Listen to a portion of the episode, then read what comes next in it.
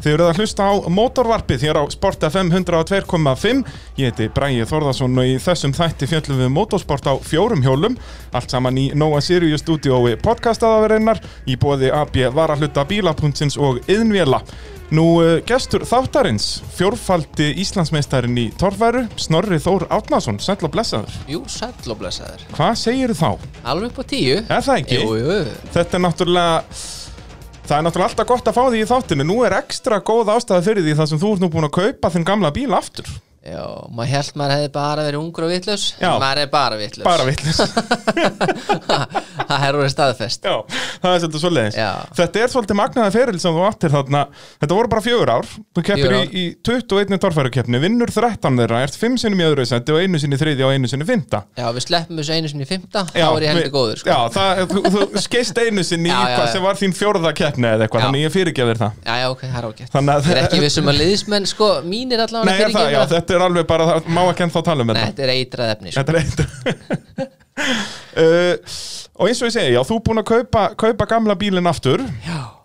sem er búin að vera sem sagt Þór þú, þú varst kallaðar hann Kórdrengin Ég er unni bara að tek nafni frá frá Jóni. Jóni, Já. akkurat sko sem að, og síðan fyrir það var þetta náttúrulega Mussóin Já. keppir hann 2013 til 2016 Já. og vinnur allt sem mögulega hægt er að vinna Já. Það er svoleiðis, A- allir titlar sem voru í torfar á þessum tíma þú vannst þá, það er sem- Ameríkultitill, já. NES, Ísland Allt sem var í bóði, sko. Já, fyrir utan þú náttúrulega hefði geta gert eins og allir gerði að fara bara út að keppa bara að vera líka þar sko. Já, já. það er kannski full mikið að því góða Ég allavega á þeim árum sem ég var, sko, það fór allt í þetta og meira til. já, og hérna, ég held að ég sé nú bara eins og flest allir aðri, maður hætti bara út á auðralesi sko. já, er það ekki Sem sagt að, að, þetta er náttúrulega kepp í torfæru er, þetta er ekkert grín Nei, þetta, Peningarnir, þetta já. sprengir allan skala sem hægt er að sprengja Já. sko.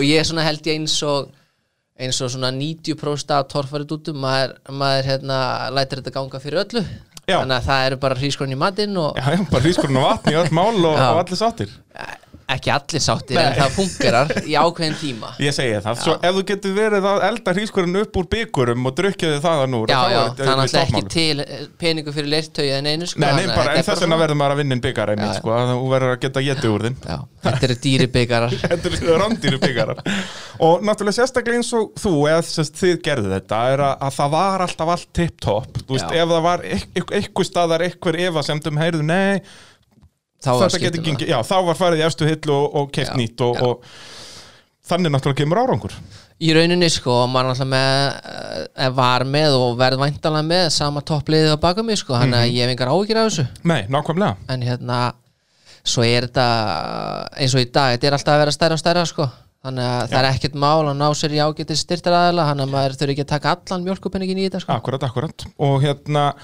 þetta hefur náttúrulega breyst sko á þessum fjórum árum sem þú varst að keppa þá náttúrulega breyttist torfærin helling bara frá 2013 til 16 Já, þá var- ég- það er eiginlega alveg svart og hvít já, já, sérstaklega líka bara svona eh, bílalega séð skiluru, mótorlega og allt þetta þú veist, þú ert ekki að missa driftskauttinu og þetta úr bara í hverju braut sko Já, akkurat, bara við að setjast á kveðin þá brotna milli kannski og já, allt já, að steik, sko. það er eiginlega búið sko. það er einn og einn en þá í því já, það er sára lítið sko. sáralítið sko. Það er, og, og náttúrulega líka, já, komni fleiri bílar, þú veist, þarna 2013-14 að þá, ef þú myndir mæti allar brautir með bíl í lægi já. alveg sama hvernig þú kerðir, þú myndir enda í topp 5, jáfnvel topp 3 já, yfirleitt topp þreymur sko. Já. það var svo mikið róteri á fólki sko, menn voru með annarkort geggjaðan bíl og hausin ekki lægi eða öfugt sko. Akkurat, þannig að hérna, það var engin rithmi yfir sömarið sko. nei, nei, æmist ég, allan að þegar ég var í þessu, ég er ekkert að setja út á hérna en við gátum yfirleitt sleppt einn eða tveimur keppnum yfir sömarið sko. sem þú gerðir einmitt yfirleitt A- a- það ég- leiði annarkort öðrum að keira eða fór bara til Florida sko. Ég segi það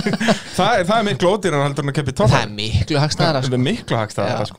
Það er svolítið svoleiðis, heyrðu, ef við byrjum þá á byrjuninni að þá verðum við í rauninni að byrja á pappaðinu með það ekki Út að hann náttúrulega Jú. er í, með, í liðinu með Halla P já, hann er uppistaðin af þessu rugli sko. Já, helvitið á Og hérna, honum helvítið á honum og ég er búin að margberja hann fyrir þetta sko. en hérna já, ha- hann, hann kemur mér inn í þetta sko. Já. er með honum eh, ekki reynda við Músó en við fyrir bílinn Já, hann er bara þarna 93, 45 eitthvað bara þarna þegar ég var bara nýkomin Já, í svoleiðis heiminn sko. Þú ert þarna bara bolli að Já. að vesanist í pitnum ég bara geta sand og eitthvað sko og mér fannst þetta alltaf gegja en ég svo sem bjóst aldrei við að ég færi þessa leið sko. Nei, en það var yfirleitt bara út af peningum sko. En þú í rauninni fer strax að vesennast með eitthvað, með vél, þú veist, þú Já, byrjar sem já, polli já. bara í motocrossi Já, og já, eitthvað já. svoleiðis. það voru bara fjórhjól og, og hérna, motocrosshjól og, og svo náttúrulega sleðarnir og þetta Og hvað, þú vannst nú einhverjar, einhverjar byggara hann eins og í motocrossi til dæmis. Jú, jú, en ég á nú yfirleitt bara eitthvað á hausnum sko maður ætlaði sér svo ógeðslega mikið Já, það, er- það er nú líka eitt hlutur sem þú hefur verið, það er keppniskap. Já, og ég verði yfirleitt virkilega vondur sko þannig að ég er, svona, ég er að reyna að segja mér það að aldurinn gerir mér gott sko Já, það geti verið. Þannig að hérna- Kannski fáum við svona nýja tegunda snorra Já, árið ég held 2021. ég verði allur annars sko Já, það er svoleiðis. En ég meina, kemur það þá ekki niður að þér? Þú veist, er það þá ekki slæmur hlutur? Jú, örgulega Ég hugsa það, sko. Við viljum hafa þeim brálaðan. Já, já ekki allir en, en svona kannski að hann áhörundur og, og þeir Já, sem er þetta, að eins og við segjum, sko, þú ert meir en 50% vinningsrekord, sko, Já. þannig að þú varst bara illur í þessu 40 eitthvað prósent sem þú vannst ekki, Já, sko. þá var ég brjálaður, Þannig að- þannig að það, það sleppur alveg, þá Já. ert allavega meir en helmingin eftir Já, já, gláð. já, já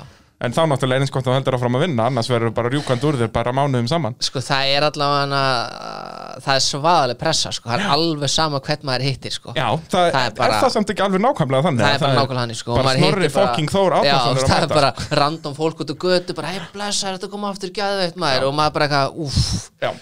Þannig eins að, og, eins og ég segi, þú ert- vinnur meir en helming keppna sem þú mætir í Já. það gengur ekkert verið að mæta núna og vera bara í fymtasæti nei, nei, er ég nokkuð að setja pressa á þig? nei, nei, nei, þú ert bara saman pressa og aðri skilur, Já. ég tek þessu bara annað gott, Já, það ekki. stendi mig eða ekki sko Já, það er nákvæmlega svoleiðis uh, ef við byrjum þá aðeins að fara yfir torfæriferilinn, Já. þú mætir fyrst í Vestmannegar 2013 Já, alveg Kaupir- blöytur á bakverðin algjörlega, uh, ef við förum aðeins fyrir það þú veist, af hverju kaupir þennan bíl þú veist, hvernig gerðist það allt?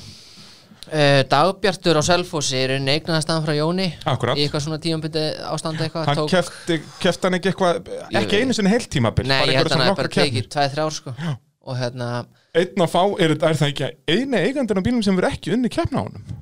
ég held það jú Ég held það. Já. Þetta er bara Halli, Jónörd, og svo Og hann, hann- Guðbjartur og- eh, Dagbjartur Dabartur, þú og svo Þór. Þór já. En síðan náttúrulega það hafa nokkru fengið einn lán og svo leiðis, en Já, sérst við erum að þetta tala um er eigendur já, á bíl. já, já, já. en sko hann allan að tók allan að tveið eða þrjár og það var alltaf eitthvað bras og sérstaklega mótorbras Já, og ég kaupa hann í rauninni vél að lausa já, alveg, sérst ekki, já, bara alveg vil lausan, ekki Já. með einhverjum bíluðu mótor Nei, nei, nei, hann bara vél laus og þurfti alveg sína yfirhalningu og Já, það var ekki, hann eiginlega var orðin sko. svona, náttúrulega Jónörd búin að þjósnast á honum vel hérna, sko, fyrir, fyrir, Já, mjög vel sko Já. og, og hérna allur varalutalagur var eiginlega tómur sko já. Það var eiginlega bara voða lítið nema bara eitthvað rusl sem fylgdi honum sko Og hvernig er það, þú veist, eins og þarna vantar, já, varahlutalagir í torfæri bíl Þú veist, er þetta eins og fóru þið í að smíða spinnur og drasl til að eiga Já, og já. stífur og dót og svona líka drifskvöft og þetta Já, já, dæmi, sko já. En sem sagt, þannig að þið fóru svolítið í það, já, að reyna að byggja, Byggja upp upp allt aftur varahlutalagir sko já. Ég var einu með tvent eða þrent bara af öllu nema mótor sko Já. Það var bara alveg sama hvað það var, það var bara til upp í hillu í vagninum Já. Og verður það ekki að vera þannig og það er bara þannig ennþá skilur ég tek við hann núna og það vantar alveg í lagerinn þó að sé náttúrulega minna eldri en var síðast en ég minna, þú veist, það var bara farið í lagerinn og svo bara pantað skilur Já, bara heyrðu, núna eigum við bara eitt af þessu Já. eða ekki neitt Já, það og bara það er pöntum bara við tveir, bara bam skilur, þetta er ekkit flóki, annarkvært ertu með eða ekki sko. Já, ég segi það, þú það gengur líka kannski ekki að keira torfæri bíl vitandi, heyrðu, ef ég velt núna og beigja þessi stífu þarna, það Já, er bara veist, uh, dottinu lengt og ég myndi ekki eins og nenn að mæta að það væri svo Ég- Nákvæmlega, Þannig að það bara kemur ekki til mála En við Þannig að- tókum í rauninni fyrsta ári með vél frá sem að Benny Eiríks á Já, það Selfossi er smíðaði, bara blöndungs eitthvað Já. bara sem var bara eitthvað 383, eitthvað small blokk og, og þú veist, var bara, manni fannst það geggja skilur Já, já, en svo bara fóð maður og skoðaði kanan og þá var hann alltaf bara sorp sko. já, og þá voru við í rauninni þeir fyrstu sem tóku inn innspýtingar komplett tilbúna LS vél Og en var það samt, sem sagt, það er bara ellisvél, þú veist, það er ekki vél, þú veist, eins og er í núna eða eins og haugur Nei, viðari með, það nei. er ekki svona keppnisvél Nei, nei, sem nei. byggða á ellis, þetta Nei. er ennþá ellisvél, þetta er bara LS vél sem er einu bara í streetcar skilur akkurat, skila bara þessum 620 hestablum og og svo svo, eitthvað pínu bæti við og svona, bara ha.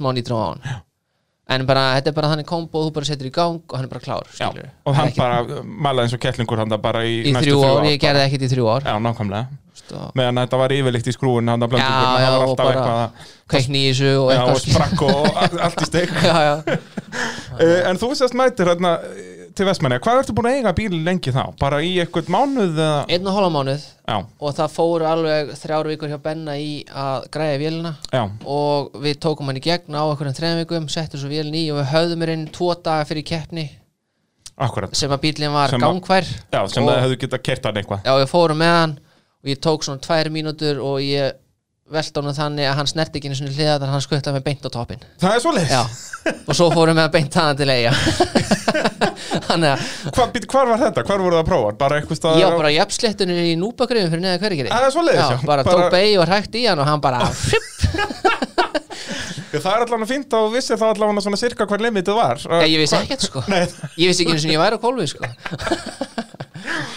Og síðan mættur þetta Vestmannaja og, og nær þriða seti Já, fyrir einhverja slembilukku kemur nonni yngilegs þarna líka og segir mér einhverja ákveðna hluti sem ég átti bara að gera alveg sko kúkaði brækunar á mér sko þetta, ég hafði ekki einu sinni hugmynd um að bíla kæmust þarna upp sko Já, hann sagði bara þú gerir þetta bara svona og svona og bara eru búin að loka hjálminum þá ertu ekki pælin öðru, nein öðru nema því ég reyndi að hlýða því og það virkaði sko já en, eins og varstu eins og í brautaskoðun hann í Vestmannaegum Varstu þá bara, heyrðu, hver er búin að koma úr? ég bara, þú veist, getum við farið heim sko ég var bara, ég vissi ekki, ég var bara fölur og mér langaði bara að fara að guppa sko Það er svolítið Já, og, og, og er Jónörn er þarna eitthvað að, að reyna að hjálpa þér eitthvað en þú veist eins og hvernig fannst þér þetta ganga þessi keppni heilt yfir þú veist áttur þetta þriðastætti skilið eða var þetta meira einhver aðri voru að skýta á þetta sig? voru bara allir hinni kúku á sig Já, sko. það er ég, svoleiðis. ég átti ekkert skilið þarna nema bara Nei. að fara heim aftur sko. Já, þetta, þetta gekk ekkert sérstaklega Nei, vel. þetta gekk bara ekki neitt sko. uh, Hvað breytist þá svona hjá þér kannski andlega hugafærið fyrir Jósustælin út að þar vinnur og þar ertu bara að keira svolít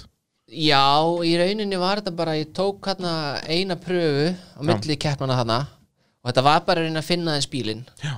og maður er með ótrúlega gott bakland eða þú ert búin að vera á sleðum eða Já, hjóli eða er það einhverju, ekki? þú ert alveg með tötsi á gjöf og, og, og beigjum skiluru Já, en ég held líka bara að hinnir hafi ekki alveg verið að koma með tæki sín tilbúin skilur það var ekki Já, það að þarna er ég var náttúrulega eitthvað þá- sultu góður sko Nei, nei, einmitt, einmitt En það er einmitt, ég er svolítið samanlega hann 2013, þar erum við ennþá svolítið margir með gamla bíla Já, og, já. Og, og svona, samkeppnin var ekki eins og hún verður síðan hann árin eftir sko. alls ekki sko Þannig að þú ert kannski, já, líka heppin með það En þú veist eins og Óli bara, já, alveg gott tímabilana já, já, En ég held að hann slepp einni keppni Já, og ég held að hann eitthvað. hafi bara verið þannig þú veist, það voru kannski ekki þeir peningar sem hann langaði til að setja í þetta til staðar Já, þannig er hann náttúrulega búinn að fara svolítið all-in hann í Já. nokkur tímabil, sko Já. og, og þannig er svona hans ferðlega að ljúka þarna í, semst, í um þetta skipti í þetta rauninni. skipti, já, já Þannig að hann, ég held að hann hafi svona þú veist, ef hann hefði mætt, hann hefði alltaf saltað mig skilur en, en það bara var ekki aðstæður hjá honum til þess að mæta, sko Akkurat, akkurat, ekki alla keppnir allan Nei, uh, Svo annars þetta á Egilstöðum já, Sá þá vantarlega eftir Óla eða ekki Jú, jú, ég held að Óli hafi verið þar eitthvað já, segja mér fyrir raskat Að segja- Og svo kemur Akureyri og það er náttúrulega það er keppni sem við meðum ekki tala um Nei, það er, við bara skipum henni Við núna En það, ég veit alveg sko Ég er ekki að, að taka eitthvað uh, og segja að hinnir hafi verið ógæslega góðir Ég bara var ógeðslega stressaður sko Já, það er svo leins Ég bara, brekkotnar aðna voru eitthvað sem ég hefði aldrei kynist áður sko Og þannig ertu náttúrulega í hörku titilslag við Óla Braga Þannig eru þið komið eiginlega bara á jöfnu í þessa keppni Já Og það nagaði mann inn að beini sko, maður er bara eitthvað nýkomin í allt skilur og það er allt í gangi þriðja keppni og maður er bara búmið neglundur á sér ánum að kemur sko. og, og en þetta slapp fyrir hotn Þú ert fymti en Óli Braga er fjórði Hann Já, náði ekki hann ef skeytaði Óli aðeins hafði, líka. já, ef Óli, ég held að hafði dögunum er þess annarsandum ef þú ert fymti Já. og hann hefði tekið titilin Já. en, en hann gerir það ekki Hann kúkaði aðeins líka Hann kúkaði hans líka, þið voru svolítið að kúka hvort annan Já, Bara við vorum yfir allt svolítið að- bara, Kúka bakið á hver öðrum Já, já, en þetta, þetta eitthvað negin Já Æ, Ég veit það ekki, þetta, þetta var ekki góð keppni En ég menna að maður allavega náði því Þú veist, stigum Já. og einhverju skilur Maður Já, reyndi þú veist, Akureyri var svona þinn arkilegsar hæll þarna, ég er alveg til ársins 2016 Já, ég hata akureyri Já, sko. Ég bara hata akureyri sko. bara almennt Það er bara hennar maður kemur hérna inn Þetta helviti syngtork hérna við bíkó Þá bara er eitthvað karma bara, þú veist, farið aftur heim Og maður næri engum árangur En maður sé bara með 3 eða 500 í gas sko, af Því að það er bara Já. akureyriski stílinn sko. Það er, ég, það er svo leiðis, bara ef þú kemur hann og ætlar bara að vera með einhver 100 hestur bíka Þá það ertu getur verið náttúrulega heima hérna. bara- Já, þá ertu bara að fá þetta sko. Það er bara svo leiðis og það sýndi sig þarna alveg 13, 14 og 15 Já. Það var ekki finnir 16 sem að eitthvað fór að gera Já, já Það er nákvæmlega svo leiðis Síðan ferð, farið út þarna í, til skíin, hann að haustið já. 2013 Já, það var geggjuferð sko Það var það nefnilega Já Hvernig, sem sagt, var það alltaf planið að fara nút eða varstu svona plataður í þetta? Ég var náttúrulega plattaður í þetta bara eins og torfarinn yfir höfuð sko. Já, bara- Þannig, að, hérna, og maður bara segir alltaf já og amen þannig, að, hérna, en þetta var alveg geðaukferð Já, og þarna þið eru að fara alveg fullt af Íslendingum. Voru þetta ekki Já, við alveg vorum einhverju tíu örugglega- bílar? eða? Jú, jú, og við- þú veist, og bara uh, allt fólki í kringum liðin sko, þú veist, við vorum bara 300 manns þarna eða eitthvað, sko, þetta var bara alveg geðaukt bara frá Íslandi Hvernig gekk þér? Ég var nefnilega að reyna að googla þetta og ég fann ekki, semst, Óli Bræði vinnur nýstuðtilinn hann. Já, ég held að Arne hafi verið annar og ég þriði Já, akkurat, þannig að nú þú ert á palli, Ég er á palli já, en ég held að ég hef ekki verið annar ég er alveg nokkuð viss um það sko. sem er nú ansi gott, í fyrsta skipta núti í skíin. Já, já, já Og allt öðru sér aðstæður, útskýri það, eins, semst, hver er munurinn hann, brekkurnar þar og, og hérna heima? Þú veist, Þarna ertu náttúrulega bara þú þarf kannski hérna, ekki hérna sprengikraft sko. Nei, en þú þarf bara að hafa smá afl þú þarf að vera með reðjar, þetta er náttúrulega 120 metra háa brekkur já, og, og þegar þú sér þetta í sjónvarpið þá bara eitthvað, hvað er þetta eitthvað kellingar þú veist, þetta, þetta er alveg sjúkt hátt sko. já, eins og bara guttirinn kom stað. já, þannig að hérna en ég allan að sem hérna við Valdimar Krassard árum förum fæ hjá honum ykkur svona byggjit ykkur dekk og eitthvað, alltaf sigra heiminn sko Já, svo liðs. og hérna, og þetta gekk bara flott og, og hérna bílinn í lægi mestmægnis og, og, og allt svoleið sko og liðið alveg upp á tíu þannig að ég held að þriðja sæti hafa alveg verið þess virði sko Já, algjörlega, í fyrsta skipti í þessu að þá Já. er það rock solid fyrsta startið torfæri og Íslandsmeistaratitill og, og þriðasendi NES Já, það er kvörtum ekki náttúrulega við bara, því. það er náttúrulega bara frábært sko Það er svolítið svoleiðis Uh, Fyrir 2014 þá farið þið svolítið í að skvera bílinn Já, sérst, kaupið þessa ætlas vel já og, og kaupið er ekki ný dekk og Jú, svona, ný þetta er- þetta er dekk svolítið bara að skvera Já, það. já, fjöðrun og við förum í bremsukerfi og alls konar kjæftaði sko Þannig að hérna Allt úr efstu hillu Já, og það er henni skilað okkur bara, já, þessum áragrið sem við náðum bara alveg, þetta, þessi yfirhalning sko Já, er það ekki? Þú veist, myndur, hver heldur áhrangurinn hefði verið ef þið hefði ekki gert neitt úr bílinn Haldið honum bara verið með blendunginn að, að, þú veist, hefur náð öllum þessum tillum eða hefði það hefði Nei. allan að verið erfiðara Það hefur verið erfiðara og ég held að ég hefði ekki ennst í þessu meðan eins og hann var Já, bara Bremsulaus, út af- blöndungur Já. og eitthvað svona, ég, ég, bara, ma- ég var ekki nenni þessu sko Nei, þetta var bara pyrringur fyrir Já. því í rauninni Þú veist, Þannig að það fór alltaf mikill tími bara í að drusla væri í lægi sko. Já, og það er, þetta er enda mjög góða punktur sem að ég held að sumir keppendur kannski átti sig ekki á fyrir en þeir prófa bíl sem er í lagi Já. Þú veist, ég held að margi keppendur bara hugsi, ok, torfærin er bara svona, þetta á allt að vera í skrúinu Já, já, en það er ekki þannig sko. Nei, og, og þarna bara þú átti að rauðu, bara ég nenn ekki að hafa þetta allt í Nei, hún skrúinu er bara, þú veist, ómögulega Bara ekki séns Nei, og líka bara fyrir þá sem eru með mann í þessu þú veist, þetta er náttúrulega yfirleitt allt sjálfbúið að vinna skilur þó maður reyna að skaffa náttúrulega gistingu og Já, eitthvað svona já. að það er ekki mönnum bjóðandi að liggja undir þessu sko allstaðir í náttúrulega Íslandi bara rigning og rók og eitthvað og vera að standa í ykkur bulli sko.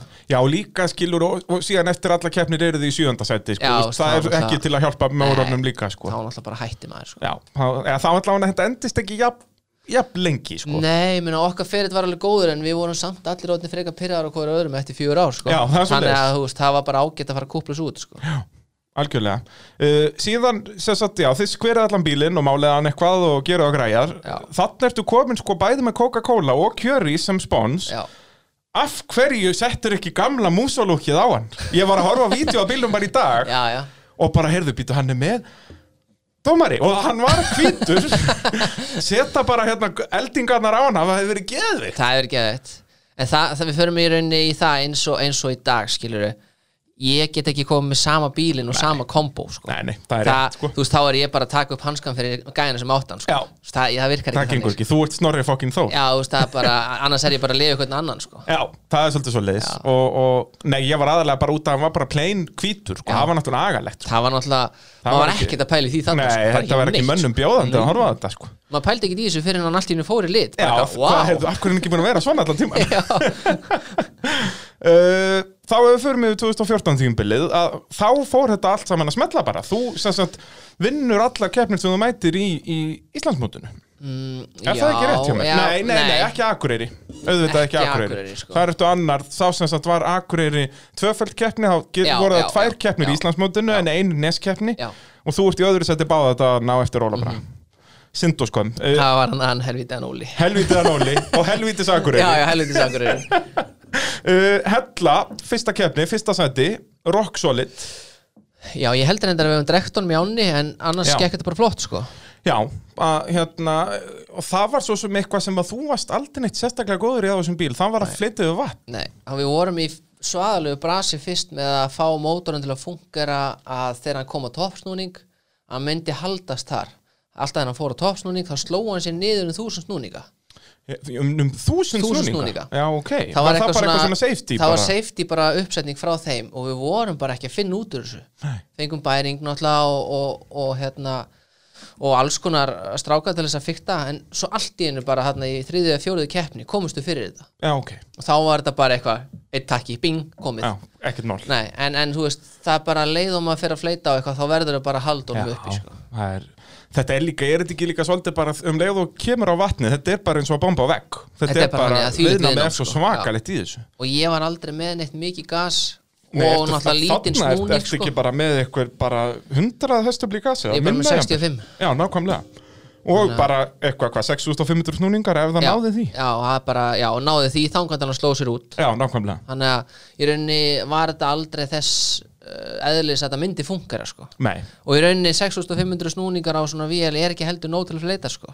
nei, það er bara hann byrjar alltaf að skoppa á Já, hendan sko. já. þetta dugar yfir pollin einhver stað, Já, poll á þetta, akureyri þetta eða- duga þverinn og hellu já, nákvæmlega og svo ekki meir nei, þannig að í rauninni þartu 70 pluss í eitthvað almennilegt já, akkurat, akkurat uh, en náður samt fyrsta seti eins og ég segja, Já. já. þó að drekkjörnum í ánni, það voru nú margir, það voru ekki margir sem komist að nefir Nei, þetta er náttúrulega ennþá bara menn með blöndunga og eitthvað svona butt sko.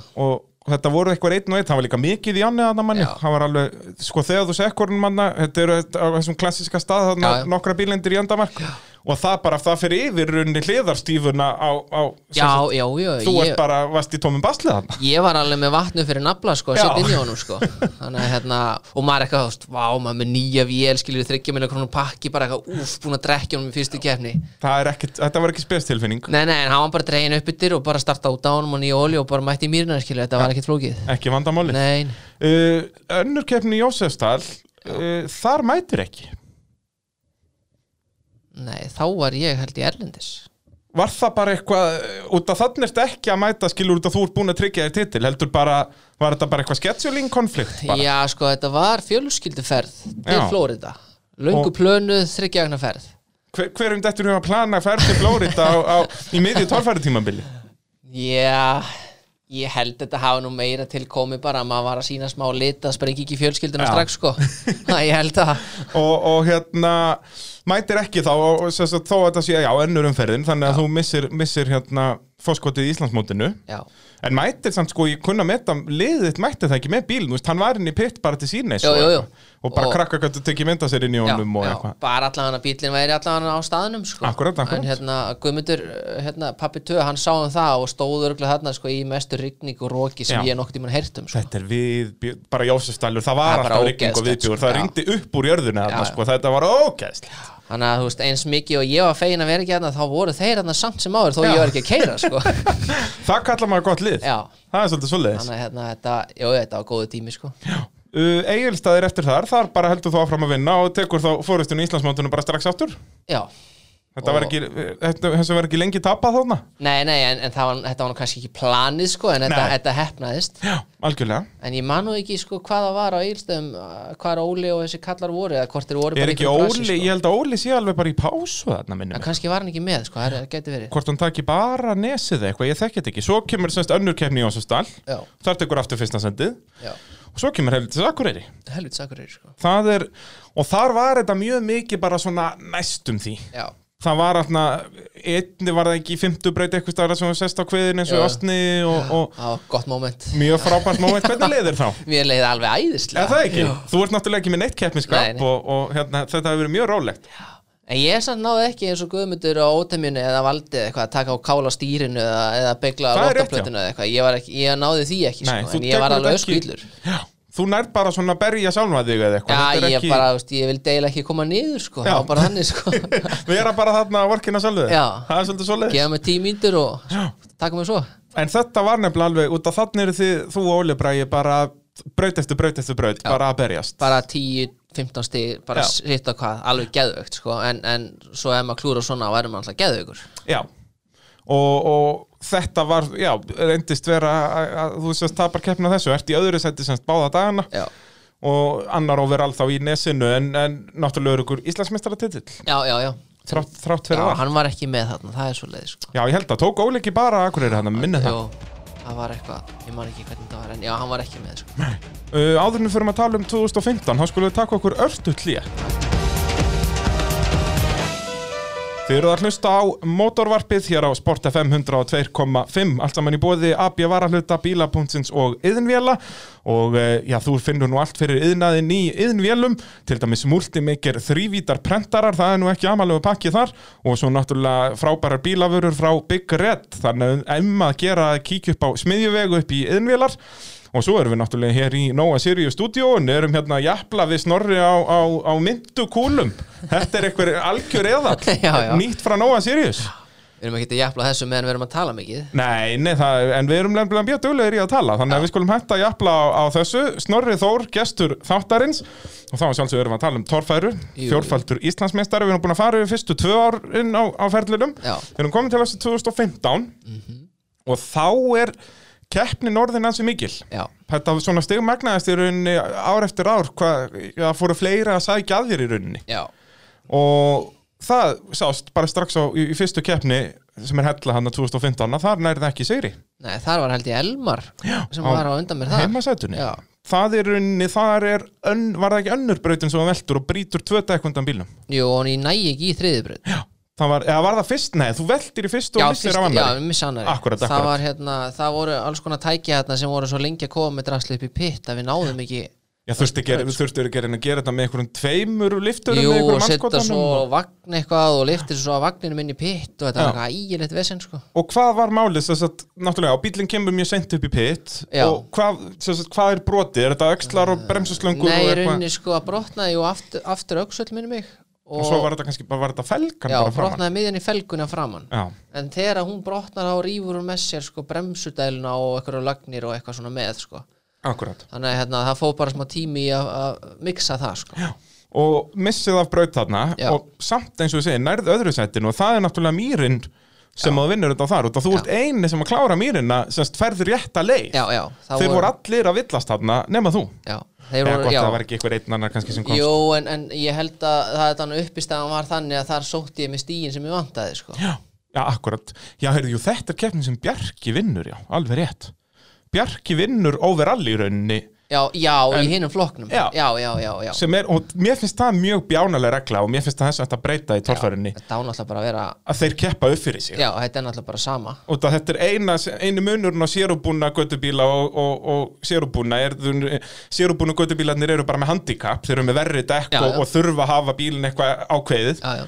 Af hverju ekki að leifa þeim, þú veist, ef þeir vinna overall að leifa þeim þá að vinna. þeir bara vinna þá Ég segi það, að- að þetta eru sömu brautirnar Ég skiljum segi það, keira sömu brautinnar ein, þú veist, einu munun á bílunum er að sérubun og göttubílarnir eru verri teknilega síðan já. að auðvitað á að leifa þeim að keppa upp fyrir Já, sig já. bara eins og þekkist í rally og öðrum íþróttum að ef þú vinnur overall á fjölskyldu súbarunniðinum að Já. það vinnur að keppna, það Já, vinnur já. ekki bara þinn flokk nei, nei, nei, nei. þannig að- að það var magnaði á að sjá út að ég held að Bjarki sem mitt hinn, því ég held að það eru bara tveir sem klári mýruna þarna Bjarki fleitir vel yfir ána, já, hann hefur alltaf verið góður í að fleita sko. Ól segur í því Já. Hver er líkillan að fljóta á vatni á torfæribíl? það er mikið nýtró Já, þá missur einhver snúning og svo var alltaf talað um það að skópludekkin sem að sérubunum gödubíla voru að nota Mhm. væru betri Já, maður hefur séð það, sumir setja skoplut eitthvað undir Já. til að fara hún á vatn sko. Þú veist, það er Þú veist, ég skil af hverju þetta að vera gott en ég skil líka af hverju þetta ekki að vera gott já, já, meni, ég held samt að þetta snúist líka bara um uppsetningun á bílum sko. Já, þannig hérna- er það ekki meira mál, þú veist, jú, hvernig jú, fjöðrun og og aflir annað skilur og, en ég meina bara ef þú ert með þokkala stífa fjöðrun og þú ert með hérna, mótor sem skilur ákveðin afli og ert með svolítið gasi eða bara nóg mikið snúning þá er þetta bara í lagi Já, já, það er bara eh, nákvæmlega svoleið Svo maður sér til dæmis bara Þór Já, já. í bílinn, hérna, kortrengin Já. þinn að að núna með nýju velina hann geti flett yfir þrjár, fjórar ár já, ég veist að sé bara eftir í hvað kúturinn endist sko. ég held það er það svolítið já. svoleiðis. Það er allavega þegar hann er komin út í andan á hann þá er hann bara að bæta í ef já, eitthvað er. hann er ennþá bara að keira þessu upp sko. þannig að, Þannig að ætli það sé ekki aðalmálið eins og þú segir, að hafa nóga nýdrói. jú, ég held það sko.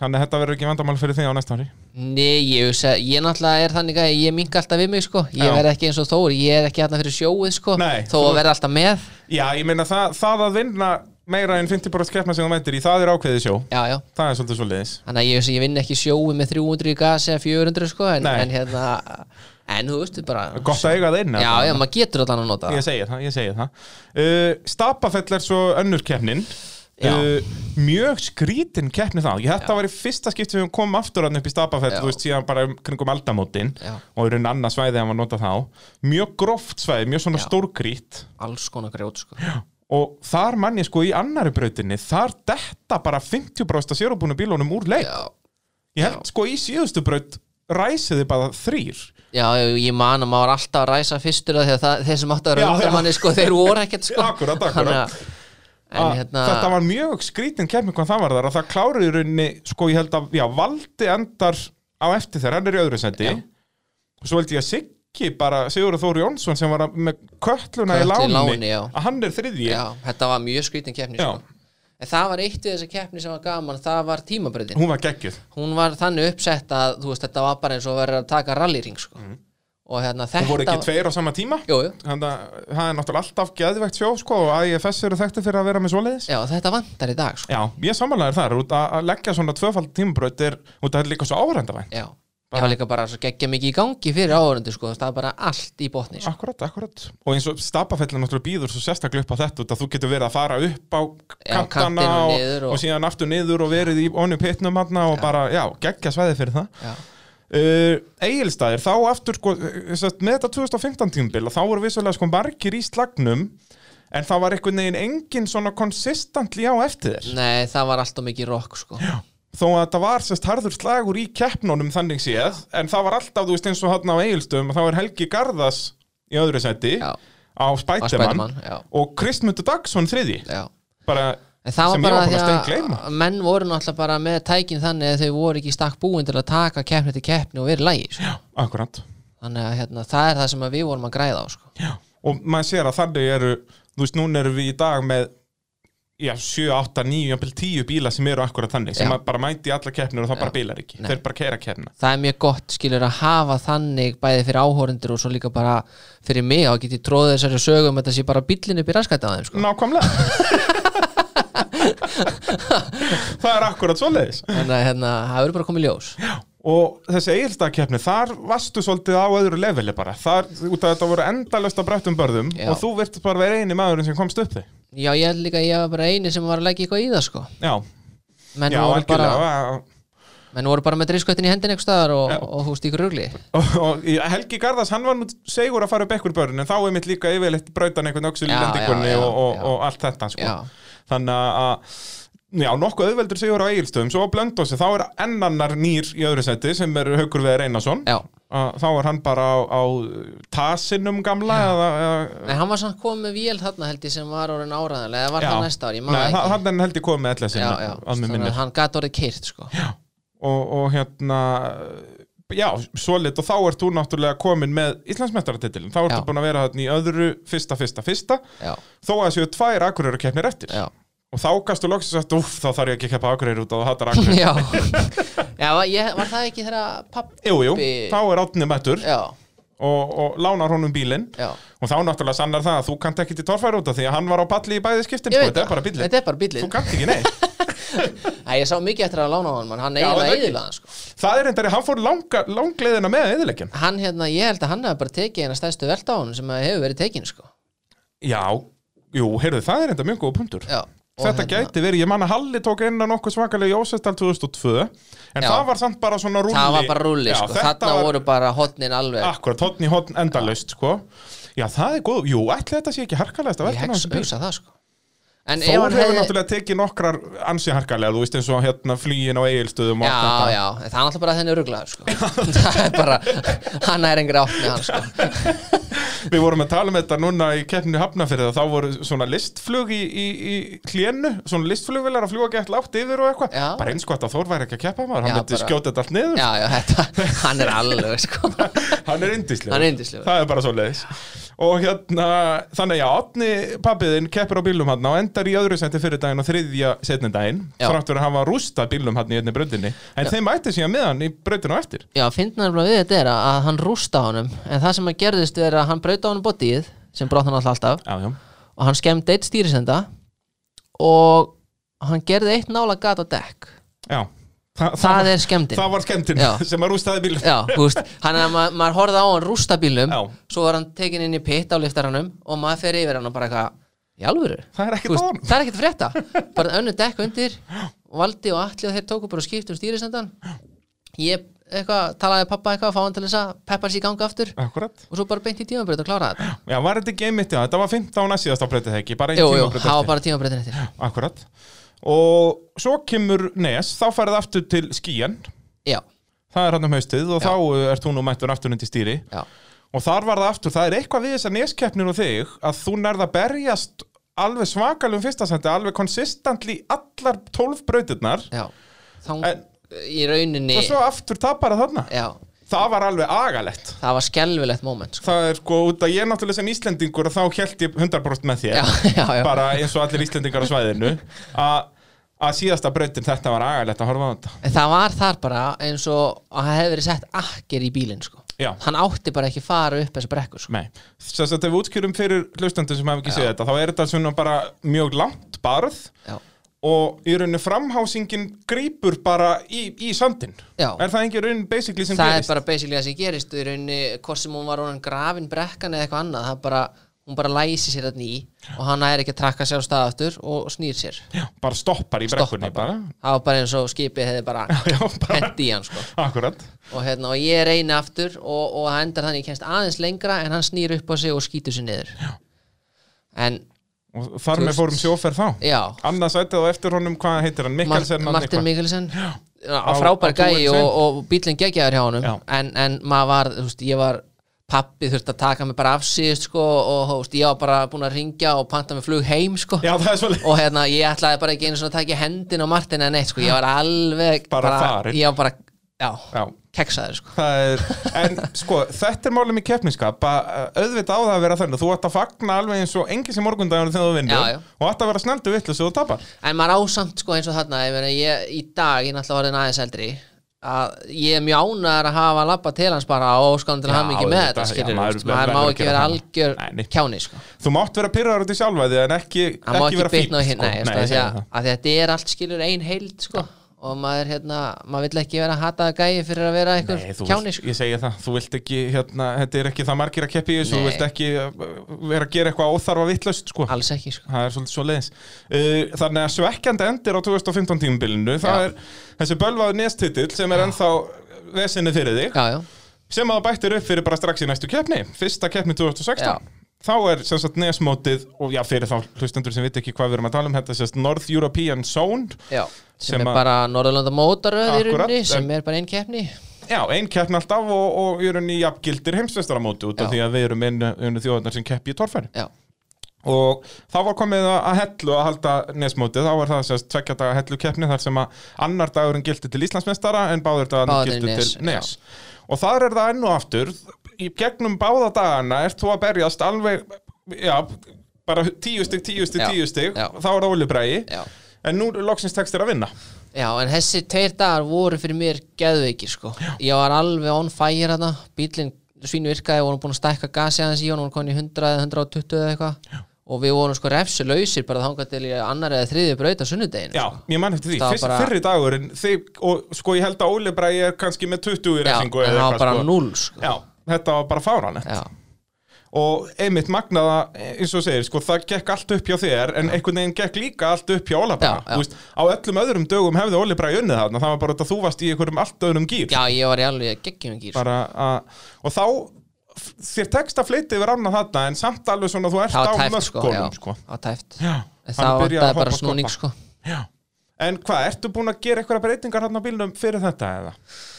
er Fyrir komið þetta- eitthvað meira gas? eða? Já, hafa komið aðeins meira gas þarna mann ekki 50 viðbót en ég held samt að það hafi ekki verið neitt annað sko. við bara tókum hann í frumindir og bara farið yfir farið yfir hann sko og pantaði varalitulagarinn hann sem vantaði og svo bara mætt aftur sko Já, nákvæmlega og já, það skiljaði sér hérna, já, fyrsta settið á hellu bæði í Íslandsmótinu og í, í NES Já, og svo bara heldur þú áfram að vinna allt, þú vinnur allar keppni sem þú mætir í ára 2016 já vinnu allt hérna heima vinn Nesi sem var alltaf heima líka og svo, ferðu til bandarækjana, já, fyrsta ferð til Ameríku og við vinnum það líka sko sem er nú ekki amælegu pakki ef við förum yfir þetta, hérna keppni fyrir keppni Já, uh, Akarnes næst já, þá var og, og sem sagt, munurinn þarna eins og milli 2016 og 15 maður myndi halda þegar maður sér já, heyrðu, snorri vann alltaf, þá var þetta svona öðveldasta tímabilið en það var akkurat anstæðan þarna eru menn, sem sagt, þarna eru bæði Gummi og Óli Bræi alltaf á eftir þér, Já. þeir skiptust á bara að vera í öðru og þriðja, þriðja og öðru já þannig að þú máttir aldrei gera neinn mistök Nei, nei,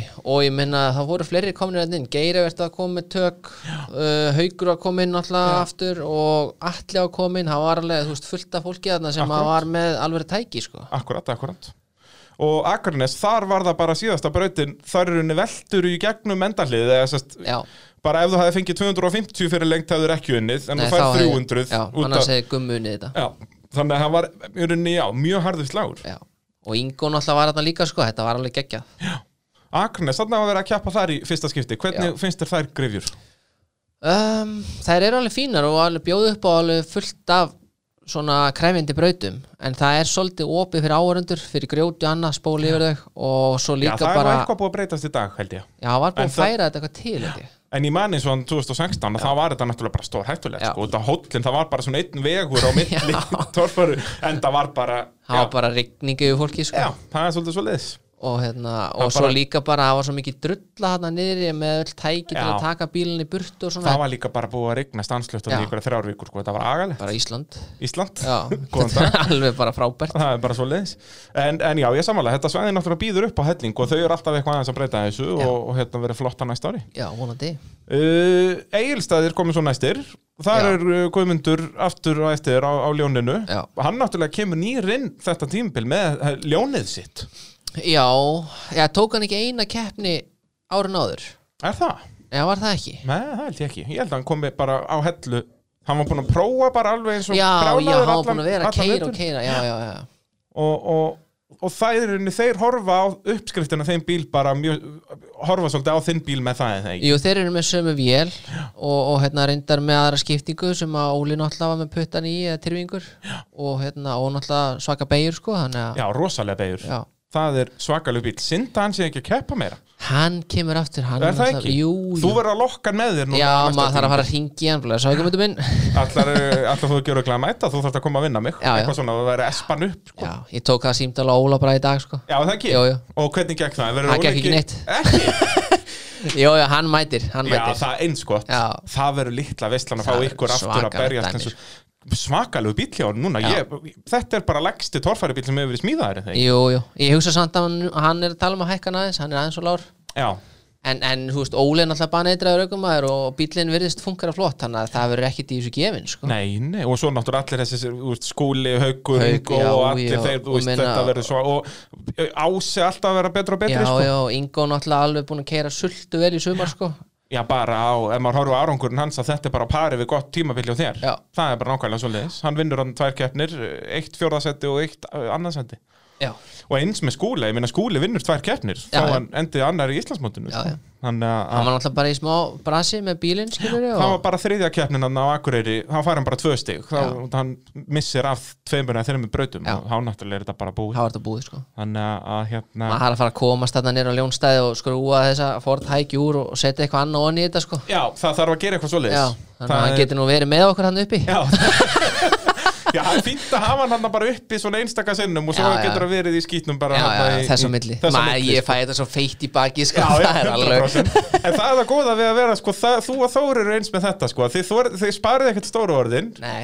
en þá líka bara þið bara setið pressasáli ykkur já, já, Það er bara maður gaman að því. fellur alveg með þessu sko. ég segi það, en það er bara gaman að því Já, já, já, mjög gaman sko. Það er nákvæmlega svoleiðis uh, Já, Egilstaðir var hérna hann að þriðakeppnin 2016 Þar er uh, gummi aftur annar á eftir þér Og þar var, ég man ekki, var þetta ekki þriðja brautin sem var svona mikill þrautakongur Svona öxl sem að eiginlega enginn komst yfir Og þú ert eini sem kemst yfir hanna Jú, Minni það já, og það, ég náði að klára þá breyt og náði mér alveg í smá forskot sko. Já, þar nærðu ykkur um hann allan að vel rúm, rúmlega 100 stíðum í fórskot Já, já. og, og svona þá er hægt að spila svolítið á það Já, þá er maður allavega að veit maður hvar maður þarf að taka sénsana sko. Já, Eh, ef þú útskýrir þetta eins fyrir hlustandum sem sagt hvernig svona hvernig var það, hvernig sálfræðin virkar í torfæru eins og þarna þegar þú ert komin miðbyggkeppni eða í annari braut eða þriði Já. braut að- þegar þú ert komin með svona foskot og veist Já. af því þú veist, hvort finnst þér, finnst þér þá betra að sjá hinn að fara fyrst og vita, heyrðu, ég þarf þá bara að jafna þetta eða vilt þú vera maðurinn sem að leggur línutnar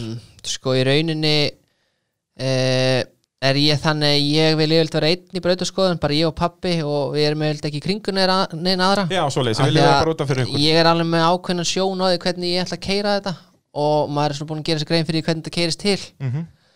og yfirleitt er ég ekki að pæla í hvernig hinn er keira því að ég er bara búin að ákveða mína línur sko. Ok, en þú veist eins og síðan serðu að allir eru að komast upp ykkur aðra leið Já. Ertur þá þá ekki, ek- þú veist, verður ekki að finna eitthvað balans Jú, en þú veist, ég eldi það ef ég sé að þetta er bara mjög easy sko. Já, já, ef þetta En, bara- en skilur, ég tek samt minn séns ef, Já, að- já. ef að ég sé að þeir eru að baksa sko. Og maður sá það einmitt alveg á þessum árum sem þú keftir að, að þú varst ekkert feiminn við það að fara aðra línur Nei, nei, Þú alls varst ekki yfirleitt maðurinn sem aðrir eltu Já, En maður sér það líka í dag, mér finnst þetta nefnilega vanta mjög mikið í torfærin í dag að það er einhvern veginn, það gerir einhver einn eitthvað og svo Já. elda allir hinnir já, það er náttúrulega vonlust sko. Það er svolítið skrítið finnst mér, sko Og í rauninni, þú veist, eins og hjá mér Ég stend og fell með þeirra ákvörðin sem maður tekur í brekkunni En yfirleitt þarna á þessum tíma Þá hjálpa þetta manni Já, já, bara eins og úslitin sína Já, skilurðu. þú veist, þannig að hérna, mér fannst þetta allavega ekkert vera eitthvað vitlust sko.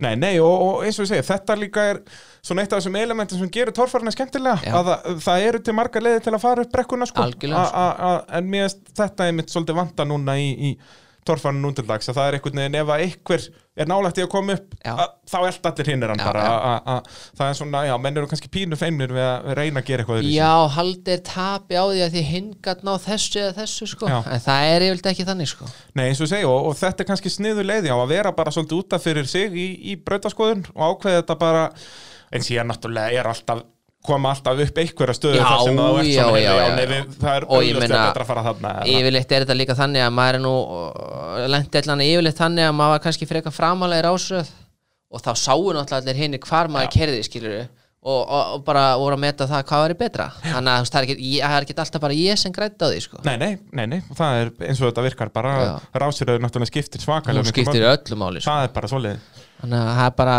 best að byrja sem fremst Já, og vinna sér aftur Já, basically, og verið já. í síðustu brautunum ertu þá hann bara 15. eða eitthvað Já, það er náttúrulega þægilegast en semt stundum er það þannig að náttúrulega síðustu breytina sem eru krefjandi menn láta kannski ekki vaða, spóla úr þeim og þá eru börðin orðin ókleif Já, svo er það náttúrulega líka, það er bæði þetta að aðri sjá hvað þú gerir Já. og svo eru bara sumi staðir, þú veist, Akarnes og eins og greifjarnar núna í Hafnafyrði sem voru síðast Já. þetta eru svona staðir sem að keirast mjög mikið til Já, að þetta er náttúrulega bara mókuð stál sko. Já. Þetta er ekki eitthvað sem er til Já, og bara eins og, eins og sérstaklega núna í Hafnafyrði þá er þetta svo mikil svona eiginlega mold Já. brekka, sko, Já. Mhm. að þá er þetta bara ef einhver spóla sig fastan þá eru bara komnar mjög djúpar fjórar hólur Já. bara sem er vesen fyrir næsta bíl og eftir sko. Já.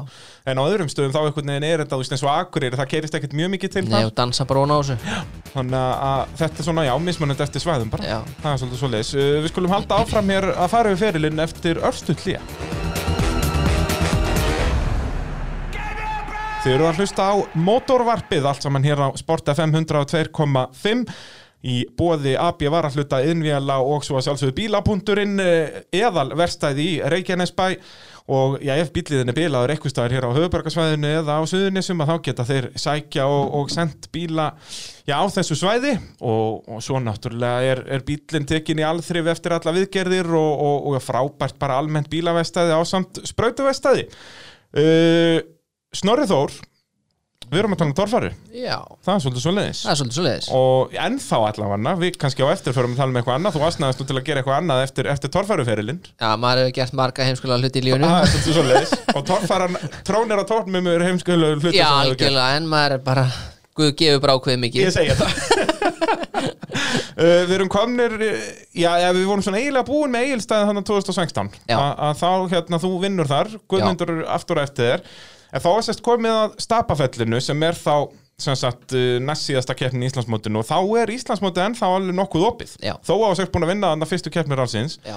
að þeir eru alltaf hann Óli Bræði og, og Guðmundur á eftir þér Já. þannig að þú ert bara með kannski einhver tíu stíu fórskot með eitthvað svoleiðis Í rauninni, sko og stapafelli, þarna var sérst, árið áður var keppnin kannski svona í auðveldari kantinum sem sprauturnar, margar hverjar voru sérst, já, margir að fá 350 stig Já. og, en þarna voru þeir búin að gera þetta erfiðara Já og loka brautin þar já, þú kannski bara útskýra eins fyrir okkur hvernig, hvernig það gekk Og fyrir sig Það var í rauninni bara eins og flottasta brautaldi sem að ég hef keirt hérna á Íslandi, sko og hérna það er einnig snerist bara um það að þú hafðir þrjá staði til þess að þú gætir klúra málunum Já. fyrsti hryggurinn, annar hryggurinn og svo yfir stóra hryggin og upp endabarið Já. um, ég held að við höfum bara verið tveir ég og Óli Bræði sem að kláruðum þetta Þa- og þannig er þess að staðan svo að ef að þú vinnur Óla Braga þá er nær að tryggja þér titilinn fyrir síðustu kefni já, og hann Óli var fyrir á að undan þér undan mér þarna sko. þannig að í rauninni uh, keirir hann nákvæmlega sömu línu og maður búin að horfa í já. og það hefnaðist algjörlega og þetta var nefnilega ótrú, ég bara hvet hlustendur ef þeir hafi ekki séð þetta, skottast inn á bara YouTube síðu Jakob Sessils a- a- a- og finna þetta bara stampað 2016, út að Já. þetta er ótrúlega erfi braut, þetta er ekki svona kannski þessi klassíska torfæra braut með að bara röri eitthvað barð nei, þú þurftir hliðanhallan og allt Já, sko. og svo, þú veist, lo loka brekkan þarna, það er kannski ekki neitt barð en sérst, út að þú verður að hitta alveg í rétt spór Já, já. Þetta var, þú ert að keira bara í gegnum svona einhvern Já, með fjöll báðum minn sko, Já, já, eða já. einhvern, ég veit ekki hvernig á að lýsa þessu sko, og, Nei, og, og hryggur er mjög leiðilegur sem að þyrfti að fara yfir að því að Já. það var klöpp fyrir neðan hann sem þú þurftir að ná upp á sko. Þannig annars að- myndi bílinn alltaf skjótast niður í Já. rauninni. þannig að hérna, þetta var lúmst en þetta var, sko, ég man bara þegar ég fyrir eftir ólabraðana ég man bara stemmingun í bílnum hjá mér hvað maður var stressaður sko. Já, ég bara, ég man að ég var að mynda þetta og ég hugsaði bara, já, þetta er mesta stress sem þú hefur lent í, Já. þú veist, út að þarna er það er búið að leggja lífnurnar og nú verður þú að fara allar já, já. en það, þú veist, þetta tókst Já. en hérna alveg og mikill svona hér, þetta var ekkit auðveld að komast hann upp sko. þú ert endalaust eitthvað að um breytum já, já, stefnur maður er að reyna að krafsa sig upp sko. Já. en, hérna, en tilfinningin er að maður komin upp maður er bara, bara shit sko. ná að tryggja sér titil hann með eina keppni eftir já, hann var, hann var ekki amalett, það var mjög gaman sko. hann var aðeins fagnað já, það var mikið fagnað það var mikið fagnað Já. uh, og síðan ólíkt sjálfum þér að þá sem sagt er ein keppni eftir sem er ákvörðið, þú er búin að tryggja þér titilinn Já. öll önnur ár sem þú ert búin að tryggja þér titilinn þá sleppur að mæta, Já. hann ætlaður að mæta já, ég rauninni sko að því þetta var síðasta keppnin ég slefti aldrei síðustu keppni Jú, ná, hérna, þú veist og þegar þú lættir pappa þengi Já, já, það er bara að því að leiði honum að keira Já. En hann vildi ekki keira Eða með minnir það allavega að Því að hann var alveg harða ákveðin í því að við myndum mæta alveg saman hvað bara fyrir styrtaraðalina og, hérna, og þá er þið bara keirt Já. Þannig að hérna, og ég bara, þú veist, já, bara flott komið tími til að drepa þennan djöful sem er yfir grifjunum akureyri fyrir Já, þig loksins loksins og, og það gekk upp, þá ertu í fyrsta setið og þá er allir jamil og eftir þér Já Hann hérna, já, það var, þetta var skemmtileg keppni en hann var svolítið óheppin sko Já.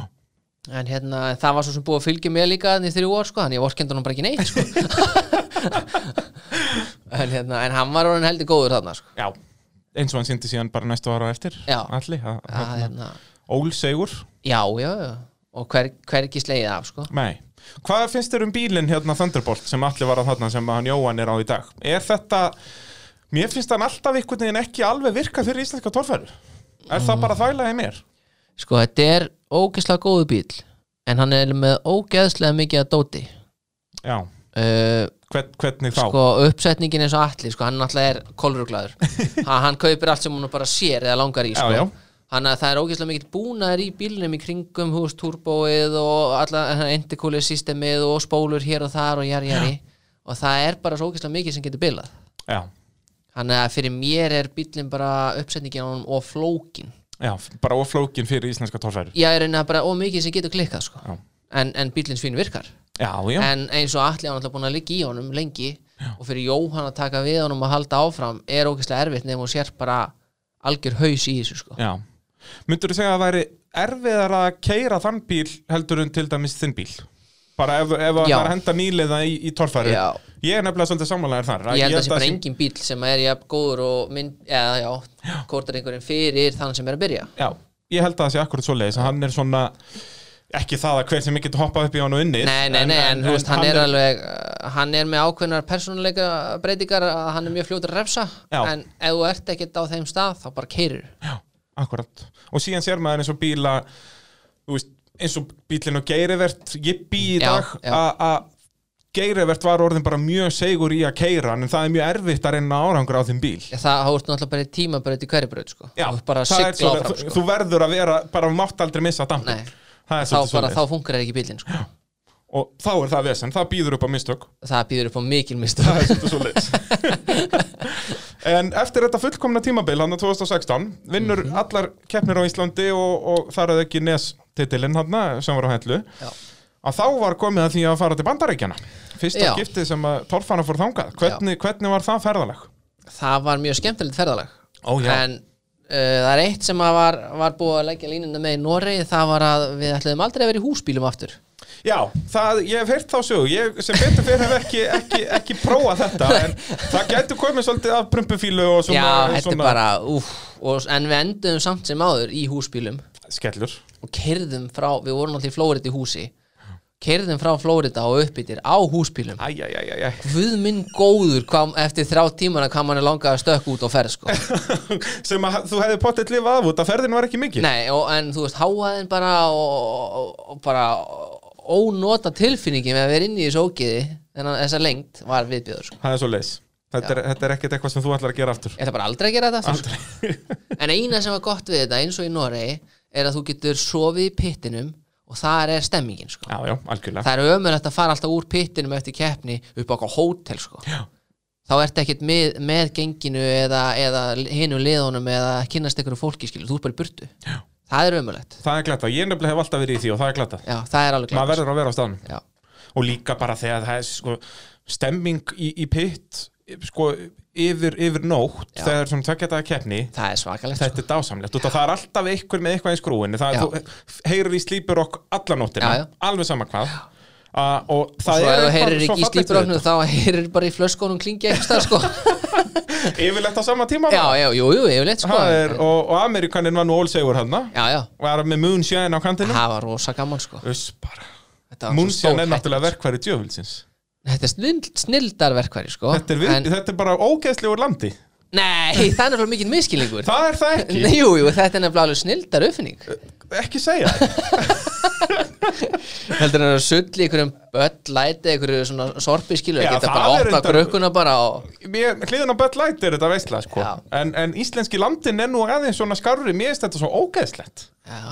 En kannski er það er ég kannski bara að fara að auðmýkinn. fara út í eitthvað beikonbræð og eitthvað svona viðbjóð Já, skilur, þeir held- voru reyndar að vinna með Já, allan anskotan. Ef þú bara, ef þú bara heldur þig við þetta venjulega, Já. þá ertu bara góður sko. bara hafa sprittbræðið, Já, bara, já. við fýlum það nú þessa Já, já, stundina já, Ha, við þekkjum það elskulega sprittið já. og hérna, já, Bandaríkin hvernig var svona stemmingin á ykkur? Hún var mjög góð, við hérna við vorum vel upp lagðir skilur við bara allir sem einn en hérna, Gulli Galdragullur, hann var svolítið að stríða okkur að það það er rétt, já, ég mann eftir því og hérna og, og ég held bara við, meira þess að við vorum ekki einu sinni nálat honum eftir fyrir daginn, hann held ég var fyrstur og guðmyndur annar sko Já, já þið þriðju eða fjórðu Já, ég Þetta var braut ólíupönnu og eitthvað fjandan hérna Alveg rétt, já og felgu, og eitthvað, það var eitthvað neginn allt í skrúinni sko. Og þú hefður geta bætt upp fyrir þarna í Var það ekki síðasta brautin á fyrir deginum sem enginn komst upp Þú kemst upp en hittir ekki ég andarlið hitti ekki endalið Þar hefður geta grætt þarna þessu 100 stygg sem vantaði sko. Já, í rauninni hitti ég held ég ekki á heldur næst síðasta hlið ég rétt bara kræk í það Já. en reglunum voru orðnað þannig að það þarf alltaf að vera eitt ekk fyrir innan já alveg, sérst alveg fyrir innan allt sko. dekkið, já. en þú veist, fyrir mér var bara ég að komin það vel á leiðarna bara sjóið skilur, bara klára þetta Það fer helviti ekkert að stoppa í Nei, neinni nei, brekku. Það var nú líka að skrýtna við kannan sko, að Þeir skildi ekkert alveg reglurnar Nei, nei, þeir var alveg saman sko. Bara ef ykkur bíl komst upp, það var að gegja sko. Ef þá fóru í gegnum einhverja stikur og eitthvað skipti engu það máli. skipti yngu máli, þeir sáu bara herra, hann komst upp, sástu Já, þetta var geggjað. geggjað var Skildi ekkert í því þegar við vorum að stoppa og, og Nei, dúlla okkur nei. eitthvað þetta, Þeir eru bara í rockbánsunum er þetta bara þannig þá er bara klukka Já. Og alveg sama hvað bara klukkan hættir þegar að þú basically stoppar hann Já. Þú getur verið búin að kútvelta 50 Ha, sekundum skiptir og engu klukkan máli, ennþá í gangi Já, sko. já. Það Þetta er líka snýst annað bara sem þeir um skildi tímann, ekki Já, þegar þeir veltu og þegar við endum á hjólunum og við kerðum bara í burtu Hvað er þetta ykkur auðmikið? Já, já, bara hvað er að pæla maður Þannig að þetta er dásamlegt Já, þetta var heldur góð bara dagur og, og dagar bæði fyrir og eftir keppni og keppnin alltaf líka en það sló mann svona aðeins út sko þegar, þegar Insane tók hérna Já, krass sko það var svakalegt það var bara einn skelfilegasta velta sem ég hef upplifað í, í tófhörkeppni sko Sást þú hana eða? Já, Já Þetta var heiftalegt þetta var rosalegt sko og, Og- hljóðin með þessu manni leist ekkert á þetta sko Nei, þetta er í fyrsta skipti sem ég hef verið í kringum torfæri og var í alvörinni bara hrættur Já, bara, ég held að þarna eitthvað skelfilegt bara hafi já, gerst. ég held þarna í rauninni að þetta veri fyrsti maðurinn sem myndi alveg að slasa sig eða drepast í tófhörbíl Já, já, þannig leitt þetta út og hann er náttúrulega steinrótaður hann í eitthvað tímindu korter já og bara hásingin komið í annað sveitafjallag Já, og, já, og, bara búri og allt saman en það hann fóð nú ekkert niður neitt lítið bara sko Nei, bara fram af helvitis fjallinu Og hvernig var svona stemmingin hann í kringum þetta? Að vera mjög, keppandi? og hún var mjög rafmögnuð Já, það, hérna, það sló aðeins upp á milli mín og nokkra þarna uh, og það er unni var aðalega þannig að menn vildi halda áfram þó að sjúkrabillin var í farin í burtu já, og fyrir mér er það bara húst, stort no-no já, bara algjörlega ekki sko já. og fyrir utan það hvað var nýbúið að gerast skilur að, að hérna, maður svona húst, ég pakka bara í töskur ef þetta á er eitthvað þvæla sko já.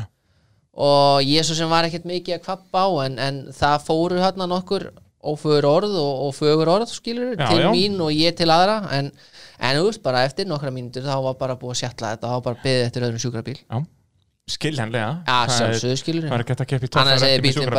bara að ég hefði bara farið inn í gáma aftur og ég hefði farið í burtu sko. þetta, er, þetta er ekkert flókið mál Nei, ég meina þú getur ekki kæft í torfæru ekki með sjúkrabíl á staðnum nei, Það nei, er og bara ég meina ekki þó í hann sé bara tíu myndur leðinni tíu myndur geta skipt helviti miklu ef ykkur er slasaður sko. boði. Já, já, bara um leið að byrja að blæða eitthvað staðar já, já, og þá eru tíu mínútur ansi mikilvæg já. sko. Þannig, að, hérna, þetta var svona uppistaðan að því að, að skilur, það var smá moralsbreyting hérna í pittinum Já, ok en, hérna, en það var allt gott og blessað eftir keppni sko. með, með hjálp með frá góðu munnsjæni Já, var, er- sem betur fyrir var það áður en það byrjaði Já. það, því að ég held að þetta hefði ekki blessast alveg svona ef að Þrátt fyrir að Jésús Kristur var nú með okkur Já, hérna í Tennessee já. Blessaði drengurinn blessaði drengur Það, þeir, þeir eru ekkert að velta sér upp í sjúkrabílum hendi í Tennessee Nei, út af þeir- þeir eru bara með biblíuna mæla Já, já, já. og þá gerist ekki neitt Já, þeir bara geta verið í Biblíuna og- stuttermannból bara og, og, en Jésús redda málan hann redda málunum og ef hann gera það ekki þá er Trump alltaf Já, nákvæmlega, Trump er hann þetta er Jésús og svo er Trump sem að sittur í stól hliðina Já, á honum. já. Þannig að þetta blessast Það var náttúrulega líka að stektast að við út að við erum hann í oktober 2016 og það er verið að fara að kjósa nýjan fósita hann í november já, og þarna bara, ef þú myndist á Hillary Clinton þá var bara Haglabisson sótt já, já, eða sótt, hún var nú yfir Já, bara á já, aukslinni reyndar, hún var á öxlinni, bara hún henni var- var bara sveiflað það var kælubóksi með Bud Light hérna Já. hægra megin og Haglabisson hægra megin bara bing, bara boom já, og svo bara ah, og alltaf eitthvað, já, djöld maður, ég er að setjast að helvitis skambisuna eitthvað og- Já, bara eins og ekkert verið Nei, mikilvægt nei. og fólk að dreifa, þú veist eins og ég var alltaf í áhörendaskaranum sko. Já. fullt af fólk að dreifa svona Jesus flyers Já, já. voru bara með hérna út af því að við vorum að koma eitthvað frá okkur í Íslandi og þeir veit ekkert um fólk þar, þetta getur verið stórhættulegt lið Já, já. þurfum að kenna þeim hverju Jesus er já, og líka eins og síðan þegar að Svanur vankar vissir þarna, Já. þá er ekki komið hér vá hvað geggjaður öryggisbúlar í þessum bílum Nei. that's the power of pray right there dreftu mig en þetta er bara algjörlega þau skilur, Já, og ma já. maður skilur þetta ekkit frekar en þau skilja okkur sko. Nei, nei, ég segi það, þetta er alveg Þetta er eins og alveg- ég hef sagt hérna áður að sko frá hótelinu sem ég gist á og að grifjónum var ekki löngu, eh, kannski tíu mínútu akstur við kerðum fram hjá meir en fimm- tíu kirkjum já, á leiðinni á, Já. sem voru bara við veginn sem við vorum að Já, gera sko. já. þetta er dásamlega, þetta er alveg ótrúlega magnað sko. það er svolítið svo leis uh, Svo þarna eftir 2016 að þá uh, settur við bílum bara á sjölu já, þarna var ég rauninni búin að rústa fjölskyldinu og öllum peningamálum sem ég komst í Já, bara allt sem þú snertir Þannig að ég er rauninni hérna annarkvort var þetta bara að hætta þarna uh, og fá ákveðna uppa fyrir bílinn eða bílinn er bara sendur í geimslu Já, en ef hann er sendur í geimslu þá náttúrulega bæði það að maður fekk maður engan pening gæti ekki bjargan einum málum hann að ég bara sem betur fer var einn heimskuð þóra á svæðinu og, og kom og keipti draslið sko þú fannst hinn hálfvitan á Íslandi fyrir utan sjálfæði Já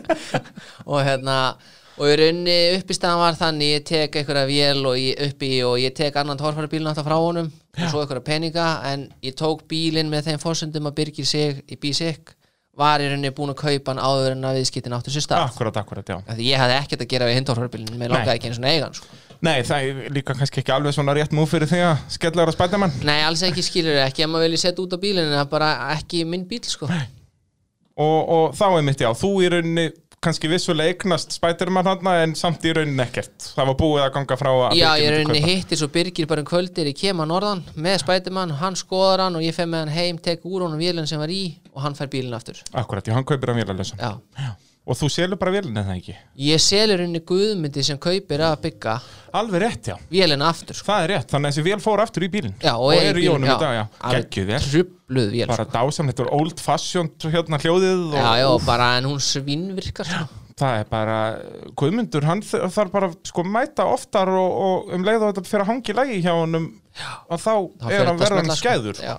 og þeir eru líka búin að gera skemmtilega breytingar á bílunum Já, og svona. bílinn á eftir að svinnvirka sko. það er bara akkurat svo leiðis og ég seldi honum meira dót bremsukerfi og páuglætt og eitthvað alls konar sko. já, Þannig já, gummilaði, að- já. það er bara svo leiðis uh, hérna, árið eftir þarna, semst 2017 já að þá aðstæmstu til að kaupa þér driftbíl Já, ég sannferði sjálfa mig og konuna mína þá að hérna, driftið myndi ekki kosta neitt mikið og tæki ekki langan tíma Já, bara nett og þægilegt uh, En svo náttúrulega bara eins og ég er bara eitthvað mér fannst engin driftbíl á Íslandi, Heillandi en eitt og það endaði með að við förum í fjölskylduferð til Danmörkur og kaupum okkur súbru Gekkjaði bíl Já, fyrir fullt af upphæðum og komum með hann heim og hann var náttúrulega alls ekkit eins og maður bjóst við sko Nei. Þannig að það var að fara að móki í þetta peningum og vinnustundum og var komin í sama helvitis pakkan aftur kortir í seinna og hérna Þannig að þú ert farin að sjá vandamáli, þetta er ekki íþróttin, þetta er þú þetta er algjörlega ég og ég, bara, ég verða að standa og falla með því sko Já, en það er það, bara- er bara greinilega ekki hægt að lækna þetta sko. Nei, nei, það, er bara, það verður alltaf að vera tipptopp hjá þér, Já, það er bara svo það er svolítið vond sko. Allt eða ekkert en bílinn svo sem geggja er en þetta bara sport átti enga við við mig sko Nei, þú fílar þetta ekkert ég bara, þetta var bara vonlust sko en, þetta gengur ákveðlega, það er, er ekki bara tvær keppnir sem gilda til Íslandsmeistar hann í þessum opnaflokki þetta ár Ég held að það sé bara sest, bíladagakeppnin og svo einu upp á kákásvæði Jú, við Og- allan að náum Íslandsmeistara þetta ár, ég bara veit ekki einu sinni hvernig sko, en, Nei, en hérna uh, þetta var bara einhvern veginn þannig líka að bílarnir sem voru til staðar þarna 2017 voru ekki til stakk búnir fyrir utan Birgir sig til þess að taka á móti svona súpru, ekki það að ég hafi kunnað að keira hann, Nei. það bara var, ein- það var engin sambærilegur, nei, þarna er svona opniflokkurinn að byrja í Já. rauninni sko, og þú náttúrulega hjálpaður hún mikið að komast á flugum með þessari súpru að- Já, já, sest, það flytja var alveg inn aksjón, bíl. sko. Já, og, og en er þarna öðru seti á, á bíladugum og fyrsta seti í kákákeppninni Já. þannig að hann var Íslandsmeistaratitill já og hérna bara mjög flott fyrir, bara orðbúrið sko Já, en, en nákvæmlega. ég átti hann að enga veginn skili, ég vissi ekkert hvað ég er að gera sko Nei, hvað, af hverju fílar ekki driftið? Hvað er svona það sem heillar þið ekki við þetta? Eh. sko í rauninni er náttúrulega bara brautin í hafnafyrði gókarbraut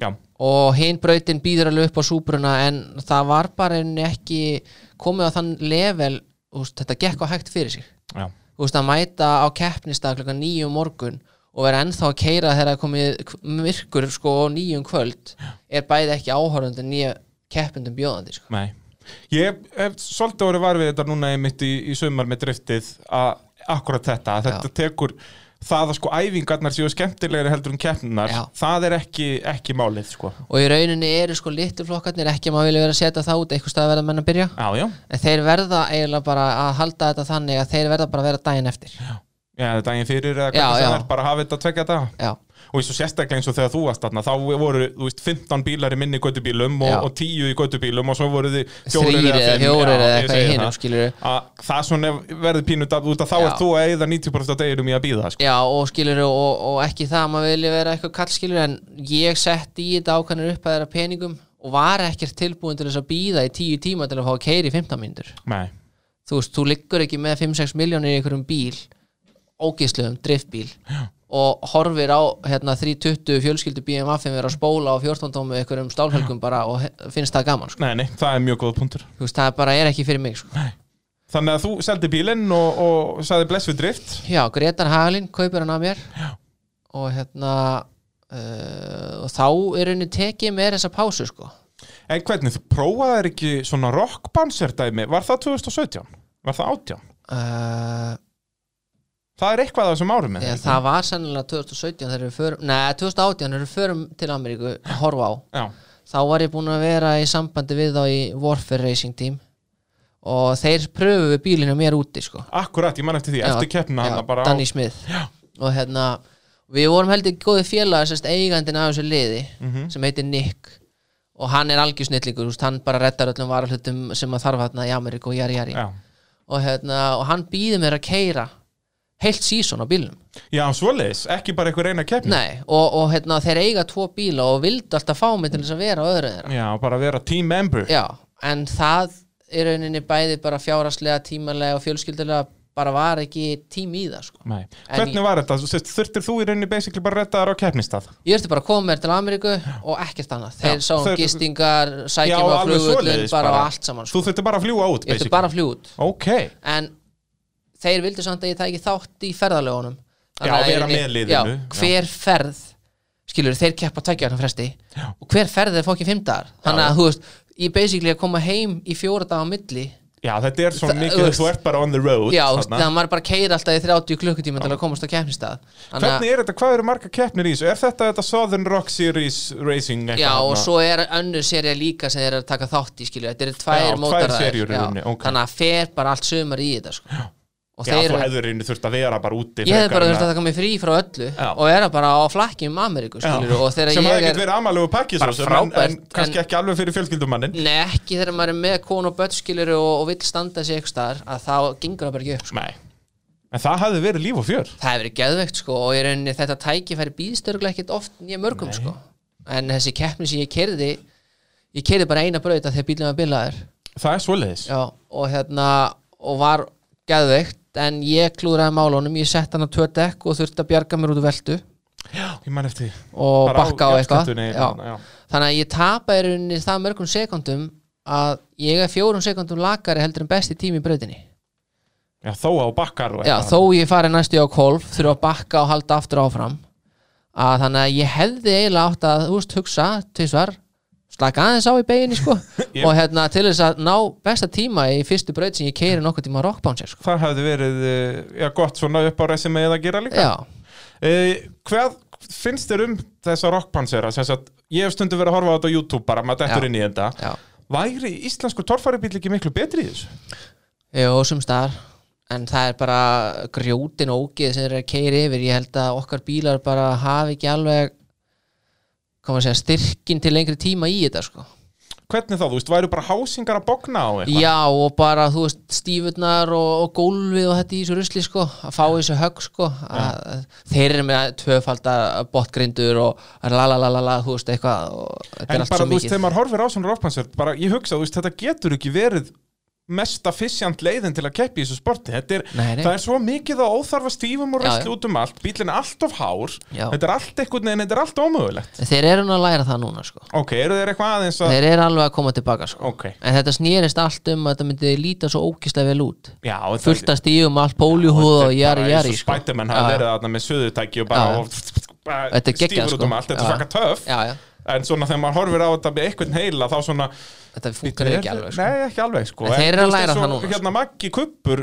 skellti svona bansveradekkjum undir og var eitthvað að fýblast átna eitt árið Já, sko. já, og ég meina hann á heiðu skilið fyrir að koma með hennar tórfærabíl eitthvað öðru sinna aðrir já. og reyna rockbánsið og, og fara náttúrulega í, í King of Hammers og þetta það var geggjað Þú maður. veist, hann er náttúrulega, Maggi er algjör meistari sko. já. Hann það horfir verður- svolítið út fyrir kassan hann er svolítið svona, hann er ekki þingar sko. Nei. hann er algjör dúer Hann er dúer. og honum er svo drullur saman hvað öðrum finnst sko.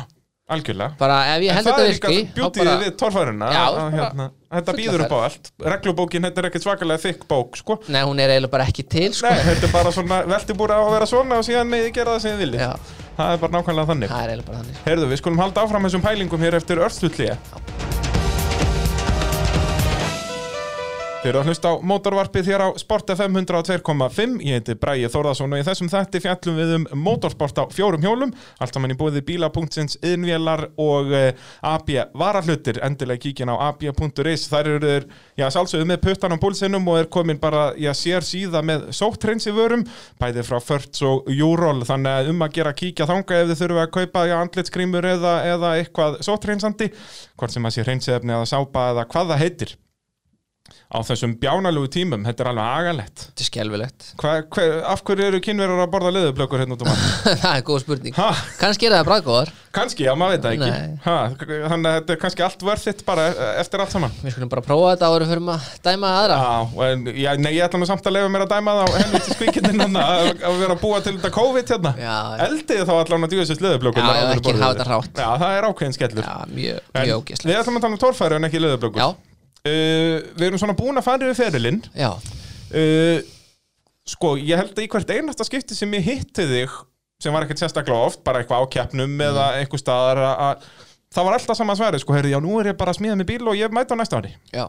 Þa, Því var haldið til streit í þrjú ár eða eitthvað Já, eitthvað svoleiðis Já. og, og hvað var að frétta með það? Þú veist, varstu komin með eitthvað efni í bíl, varstu byrjar að smíða eitthvað bíl Hva, hvað er að frétta? Sko, við ákvaðum að gera þetta þannig að við ætlaðum ekki að fara á hausinn við þetta aftur Ok, Þannig að ég byrjaði strax eftir ég seldi driftbílinn að panta eitt og eitt stykki já, ekki eh, henda 15 miljónum í Nei, þetta bara nei, þú veist, það var strax bara tekin svona þú veist, 500 skall og 500 skall eitthvað og setti þetta og þetta já.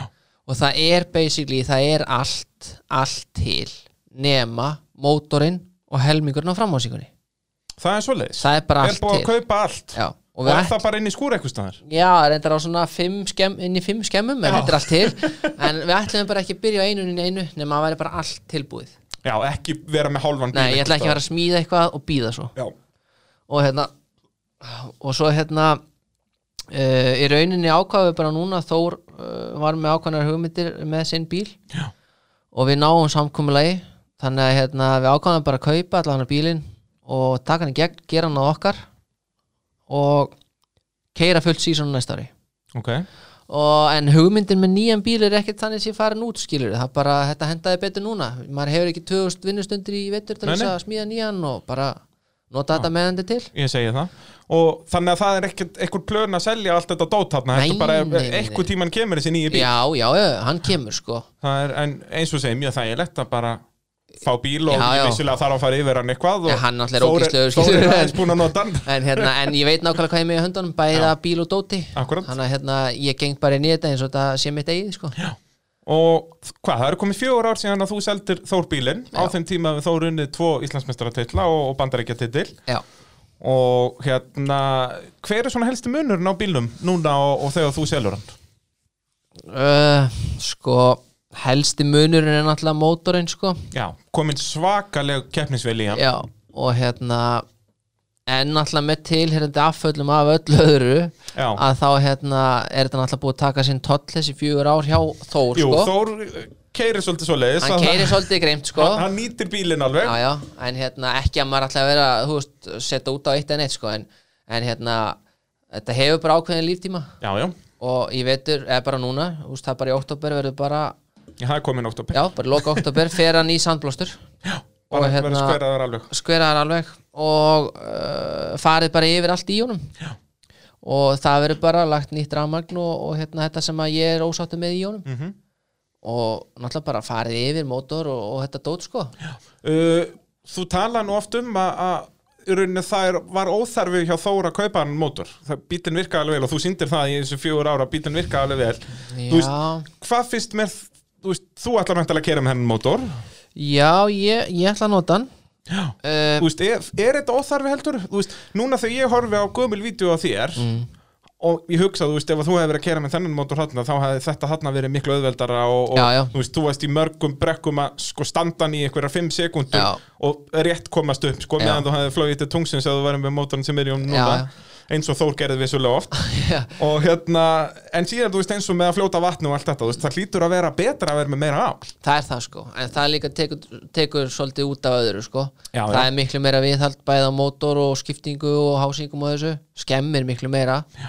en uh, ég held að þetta snúist líka um uppsetninguna hann er allt öðru sér keirar en ég Húst, ég er að fara núna í uppsetningar á stýrun aftur og þetta Húst, hann er með margar hingi í borðið borð það er ekki, ég ger ekkert nema að stýra þeir í keiran sko Já, er það svoleiðis, breytti hann því? já, Já. og hérna og ég er að fara að skipta um konvertor og svona gera hann að mínum sko af því að ég þú er náttúrulega keirðir það mjög mikið svona hvernig var það, eins og það væri on-off takki, Já. sko, að það er bara annarkvort fylgjöf eða ekkert Já. og þú notaðir hann, þú bara svona, blinn, Já. svona spýttir honum upp brekkurnar, sko en það er líka að ég hafði bara þetta mikið afl og ekkert meir Já, en núna náttúrulega er það öðru í sig en ég er ekki að fara í kannski nákvæmlega sömu uppsetningu og ég var með en ég er samt að fara að draga mig aðeins nærði mm -hmm. en samt þannig ég tapa ekki árangur í vatni eða eitthvað svoleiðis Mhm. akkurat, akkurat En þú veist heldur að þetta- þú þarf náttúrulega aðeins að- að læra á allt þetta afl Já, potið, ég er búin að keira bílinn og þetta er ekki bílinn sem ég var með sko. Nei. en, hérna, en ég er bara búin að prófa hann einu sinni og ég nenni ekkit, ég ætla bara að græ- gera hann að mínum og, og keira hann svo aðeins fyrir næsta sumar Já, nákvæmlega,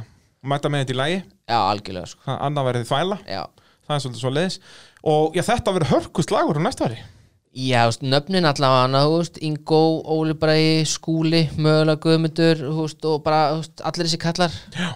og ég, það verður ekkit í þessum gefin sko.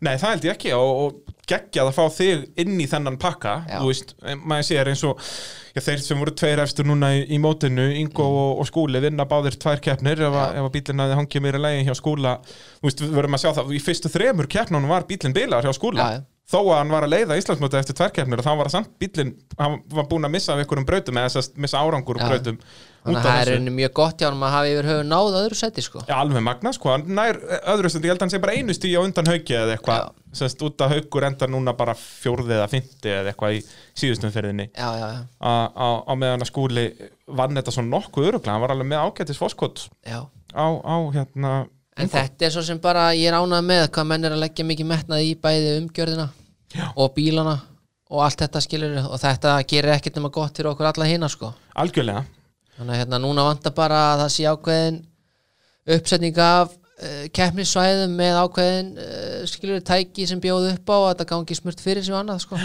þannig að hérna ég á ekki nokkra trú á öðru en þetta verði geggjað sko. blúsandi uppsikling í, í, í torfærinni ég ef ekki núna þá aldrei sko. Já, nákvæmlega, þannig að nákvæmlega. það er eiginlega bara svolítið svoleiðis ef þetta næri ekki sínu, sínu flugi núna þá gerist það bara ekki sko. Nei, nei, nei, nei. Uh, Ef við þá förum aðeins að tala bara um fortíðina í staðin fyrir framtíðina já, Hverjir voru þínir svona uppáhaldsökumenn hérna í Þú náttúrulega, uh, hva, hva, hvenær ertu fættur? ég er fættur seint 90 Já, þannig að þú ert ekkert byrjaðar að fylgjast með svona meðvitað fyrir en bara eitthvað í kringum aldamót já, Og þá en er er það náttúrulega Gísli er Halli bara Halli og Gísli sko. Hvo, í, og- í- Þú hlýtur að vera í Hallaliðinu ég var alltaf í Halla leiðinu sko. og hérna svo voru náttúrulega hérna ákveðna kempur sko, en svo ef maður fer að skoða aftur í tíma náttúrulega uh, Einar Gullaugsson og, og þessi kallar skiliru að hérna uh, þetta er náttúrulega ægilegt rugg Húst, það voru bara korvettur og væperar og verið með hérna, vindlan og allt þetta og geði skilir og Jep. ekkert nema fyllir í og svona Þú veist, þetta var bara torfaran Já, já en hérna, ég held að þetta sé svona aðeins að breytast núna sko. Já, þetta er orðin kannski- íþrótt Já, ég segi það, orðin- nærði að vera svona, já, meira pró já. Já. og hérna það eh, mun bara hjálpa öllum sko.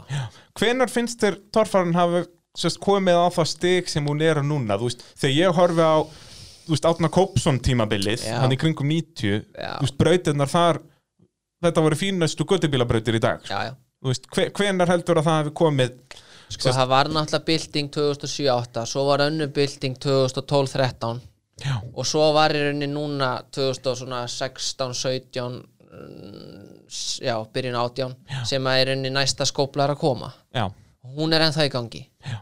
en mér finnst svona á einu og öllu að það sem er í gangi núna að það sé komið til að vera á þessum standard sem við viljum hafa þetta Mhm.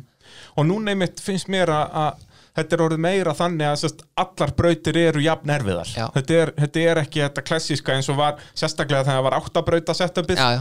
að það var alltaf fyrstu þær brautir var bara svona uppbytun Já. bara lulli gegnum eitthvað hlið og farið yfir einn hól já, já, Þú veist, það er alveg farið núna og mér finnst það, það er náttúrulega bæði gott fyrir áhörendur og, og, og keppendur líka finnst mér upp á þetta sem vorum að tala um á sem er rásröðin já, að þá skiptir rásröðin ekki jafn miklu máli ef allar brautir eru já. jafn erfiðar nei, nei.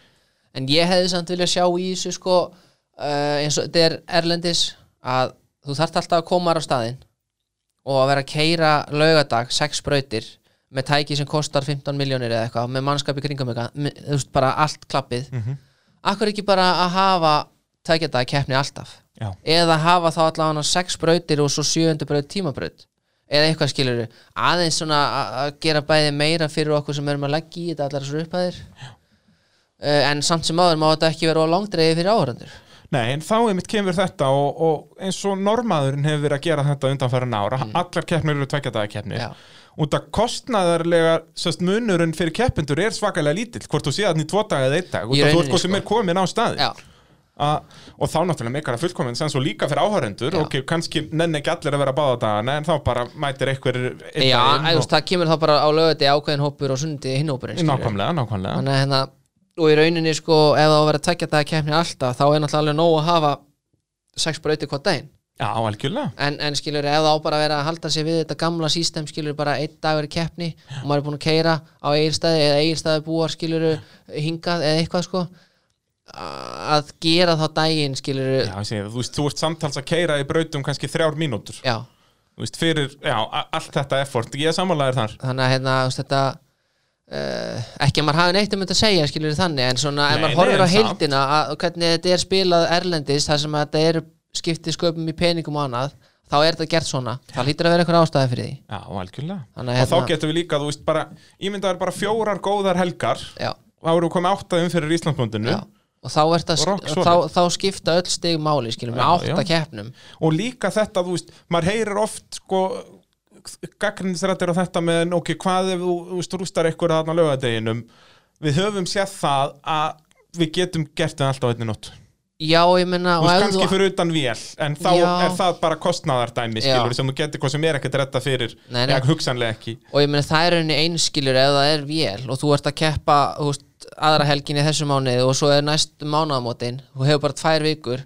það er rosa tæft að redda sér vel og tveim Já, vikur, það hvort er sem reyna er að panta þessu eitthvað erlendis Já, Þú veist, hann þá er getur skipt- alltaf reynt að redda þér vel sem þú gætir hugsanlega gert að lögða Já, ég er að segja það, þannig að ef þú finnur þið vel á löðurskvöldinu þá myndir þið hvað sem er finna hana fyrir hinna kemna Ég það held skiptir yngur máli Að- Þannig að, og, en það er því eitthvað bara 3.50 hækja skilur Já, en þú já. gætir að það hann ekki heyr menn annarkvort ætlar að vera með eða ekki sko. Já, já. þannig að hérna, Ah, En síðan sjáum við það, þú veist, það eins og í tvekkjata eigilstæðakeppni hvað var það, í fyrra eða hitti fyrra þegar það voru að bókna veltibúr ég held að í tveimur bílum fyrir daginn og Já. þeir komu báðir aftur næsta dag já, já Þú veist, það er ekkert sem stoppar okkur Nei, nei, ég meina að þetta þarf ekkit endilega að vera vandamál skilur, þetta er einn stór heild, einn stór úst, fjölskylda eins og Já, er ofta já. ekki til orða og ef það þarf að redda einhverju þá er sko tengslarhingurinn, tengslanetið ógeðslega stór Já. og það þekkja allir einhvern sem að geta reddað einhverju og því er bara reddað Já, það er nefnilega nákvæmlega þannig, þú veist, eins og þetta á eigilstöðum heyrðu, já, býtu, þurfu þið að smíða veltubúr eitthvað heyrðu, komið bara inn til frænda mér sannig með vestaði hérna, Já, já. réttum þessu, bara ennum þessu vel og Já, bara græfum þetta þetta er ekkit flókið sko. Þetta er ekki flókin nei, nei, og svo er þetta bara tekið á þessu eftir keppni skilur Já, já, bara máli gert upp og Já. allir sáttir, sko Já. Uh, svo finnst mér líka eitt sem ég já, vanta í þetta og hefur alveg verið talað um með íslensku torfarina, reyna að gera þetta að eitthvað svona stærra en bara keppnir reyna að Já. gera eitthvað, eitthvað svona karnevalstemmingu í kringum þetta, Já. þú veist, kanin er mikið að vinna með þetta til dæmis, og það svínvirkar það svínvirkar nefnilega út að þetta er, við vitum að torfarin er fjölskyldu skemmtun Já.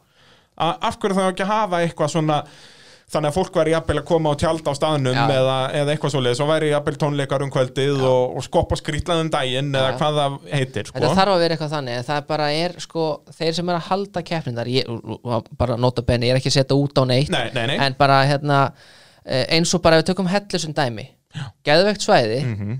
býður upp á allan anskotan, já, já, já bara getur bú- breytt þessi herfjölstala ég er að segja það er bara, þú veist, setja upp bara eitthvað ákveðið dæmi og standa og falla með því skilur, það er bara redda sviði og hljómsveit það er bara sett upp ákveðin tjálsvæði það er bara selt miða í fórsölu og við ingang skilur, þá geta þær sirka reikna út hvað þarf marga og ef það vantar mannskap þá er ekki bara alltaf að þetta er sjálfbóðina þá bara borga er mannskap fyrir að vera þarna þeir fá fullt af miljónum inn á miljónum sem við erum að leggja í þetta rusl og, og sko þarna líka kannski þyrft þetta að vera í rauninni tveir mismunandi hópar að skipulegja þetta það Já. er því einn hópur sem er þetta frábæra fólk sem er að skipulegja keppnina Algjörlega. og hefur gert það ár eftir á Já, já. bara algjörlega merkjað Já. svo bara er því fengið eitthvað annað lið bara sem er með eitthvað, eitthvað fyrirtæki sem er í þessum efnum já, bara eitthvað konsept sem er í þessu Já, hann bara, heyrðu, já, við bara reddum hérna, komum með svið hérna og, Já. og við skulum bara sjá um skipulagningu á þessu við reddum hérna lauröglu í gæslu og Já, bla já. bla bla bla og kömrum þarna og, og, og ég meina svið þarf að gera merkilegt eitthvað kassabít sem er sett upp, Já. eitthvað hljómkværi í maður og eitthvað, en eitthvað eins er og að spila, ímyndar með skilur. hellu hvað þetta verið geggjað að hafa út að þú ert með þennan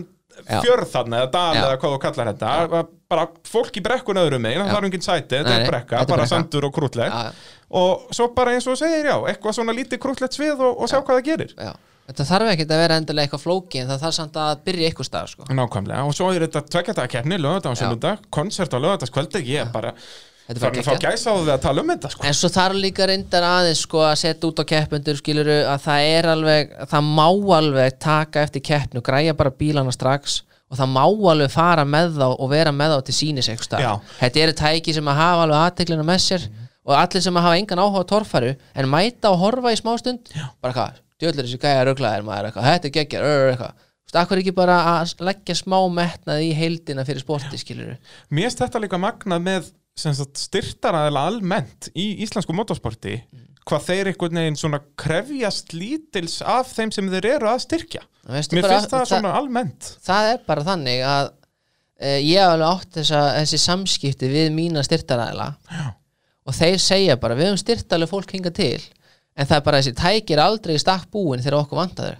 Já, en það er líka bara held ég metnaðleysi bara, húst, ef að eitthvað fyrirtæki sem ég er að vinna með ég legg bara línunar, þetta eru mína keppnir hvenær eru ykkar dagar, Já. þeir eru löngu búin að skipulegja ég þetta segi það, það þyrfti að vera búið að skipulegja Já. að það gengur ekki að ringja bara á lögadegi eftir keppni Heyrðu, getur þú komið þarna upp í búð til okkar á morgun með bílinn? Nei, nei, en ég meina ef þú ert bara með annars þetta bóti í klárt þá er þetta bara Já, sérna ég- ég felgundar og segi dekk það. og bara nýtt bóti á hann klár Ef þú veist það, Já. að þá er þetta ekkert mál Já. Þó að þú sko bræður og mótor og rústa Það skiptir bílnum engu al- máli. það skiptir engum máli, þú ert bara með nýtt body, Já. senarfelgur, Já. bara bing og ég rauninni eins og ég gerði þetta fyrir náttúrulega nokkra enn í Reykjavík og kjöristæðin og þetta hús krakkarnir þeir sko tröfluðust yfir þessu þetta var ekkit smá mikið aksjón fyrir þau að fá að setjast inn í svona bíl og taka myndir sko. auðvitað, út af þetta er náttúrulega ekki þú veist, rallybílar er- hafa, og driftbílar og, og rallycrossbílar og allt, Já, já. þa- það er alltaf það leiðilega við þá að þetta eru bara fólksbílar Þetta er búið að bara það breyta. sem hún sér út á götu Já, þú veist, jú, það er búið að setja spoiler á þetta og Já, þetta er já, fjólublátt á já. litin en þú veist, þetta torfæri, þetta er svo uník Já. á þessum ausutekjum Já. og þú veist, annað með styrtaræðila við erum alltaf með einhverja þrjá, fjóra ljósmyndar að minnstakosti á hverju keppni þó að sé yfirleitt nær 15 Já, já af hverju vilja sponsor ekki alltaf fá herðu, þú verður að senda okkur svona marga myndir og síðan Já. ætlum við að fara í markasæð fyrir með þessa myndir og það verðum að eyða hérna einhverjum miljónum í að sponsa þig Já, en ég held bara að það sé ekki komið á þann stað skilur það er náttúrulega, uh, Helgi Góa náttúrulega heiður skilið fyrir það sem að hann er að gera fyrir þetta sport núna sko. Gekkja, með allt hvað við sé já, já. og ég meina það er fullt af öðrum Loftur flottur líka, flottum AB. fyrirtækjum skilur í þessu en uh, flest fyrirtæki er að sponsa svo marga að Já. það verður minna úr því Já, en síðan, þú veist, eins og bara í gamla daga þrjú tíða tímaritið Já. sem Gull- Gullur Rökkvalds var með, þess að tímarit um motorsport, Já. hann fór þessa leiði mitt að að sponsa alla mjög lítið, Já. bara allir voru með eitt lítinn limmeða, Já. en þá var það líka bara, þú veist, þrísvarsinnum yfir árið, Já. að þá, heyrðu, þú komið, nú komið allir með bílinn ykkar og það verið fotoshoot já, fyrirtæki eins og Abbi Varahlutur og fleiri sem eru og kannum við sé að sponsa marga, marga, marga já Hvar er allt svona?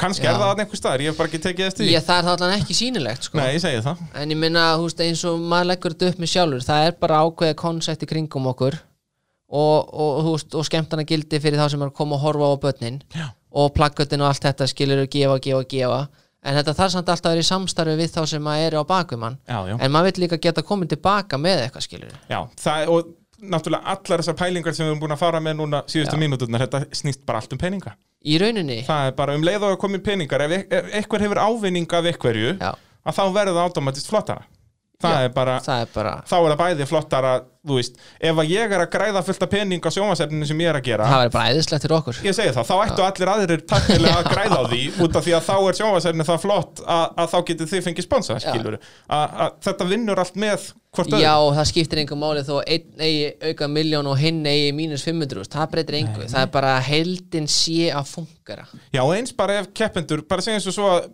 öll fyrirtækja á landinu myndu allt í unna hafa geðt mikið áhuga á torfæru og þeim fengið allir 15 miljónir í spons Já.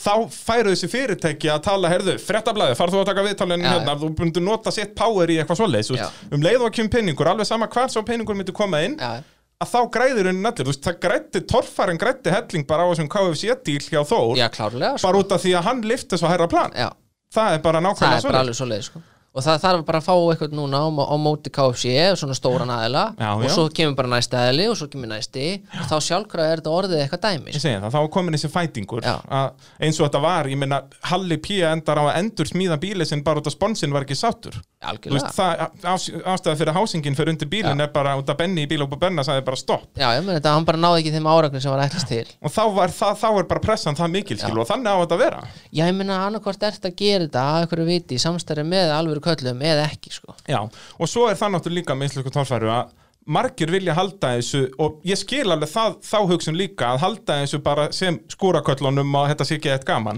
út að ég get alveg garantera Já. að það um leið og peningarnir koma þá fyrir allir að rífast, 100% já, en ég meni er það þá ekki bara ákveðin stemming yfir því þá bara breytist Jú, jú. þetta yfir í sko liðakeppni ekki einstaklingskeppni og þá bara ertu bara undir þínu liði og það geta verið þrýra eða fjórir að keira saman bíl skilur, Mhm. breytir engum máli bara telur í stig já. en ég meina það er bara eitthvað sem að gera sko sem er í útlöndum skilur Já, og já. það, bara, það skiptir bara máli fyrir heildina að það komist á ákveði plan Ég er alveg samanlega því, ég ger þetta meira professional já, það er bara svo leiðis uh, Erum við búin að gleyma að tala um eitthvað snorrið minn? pottjætt sko en Er það, kemur bara svoleiðis? næst Ég segi það, kemur næst Bara eftir næsta tímubil þegar þú ert orðin Íslandsmeistari já, já, já, eins og ég segi, engin pressa Engin pressa. engin pressa. Heyrðu, það var frábært að fá þig í spjall eh, snorri minn Já, takk fyrir mig. og, ég gangi þið vel á næsta ári já. og bara þangað til næst bless Þangað til bless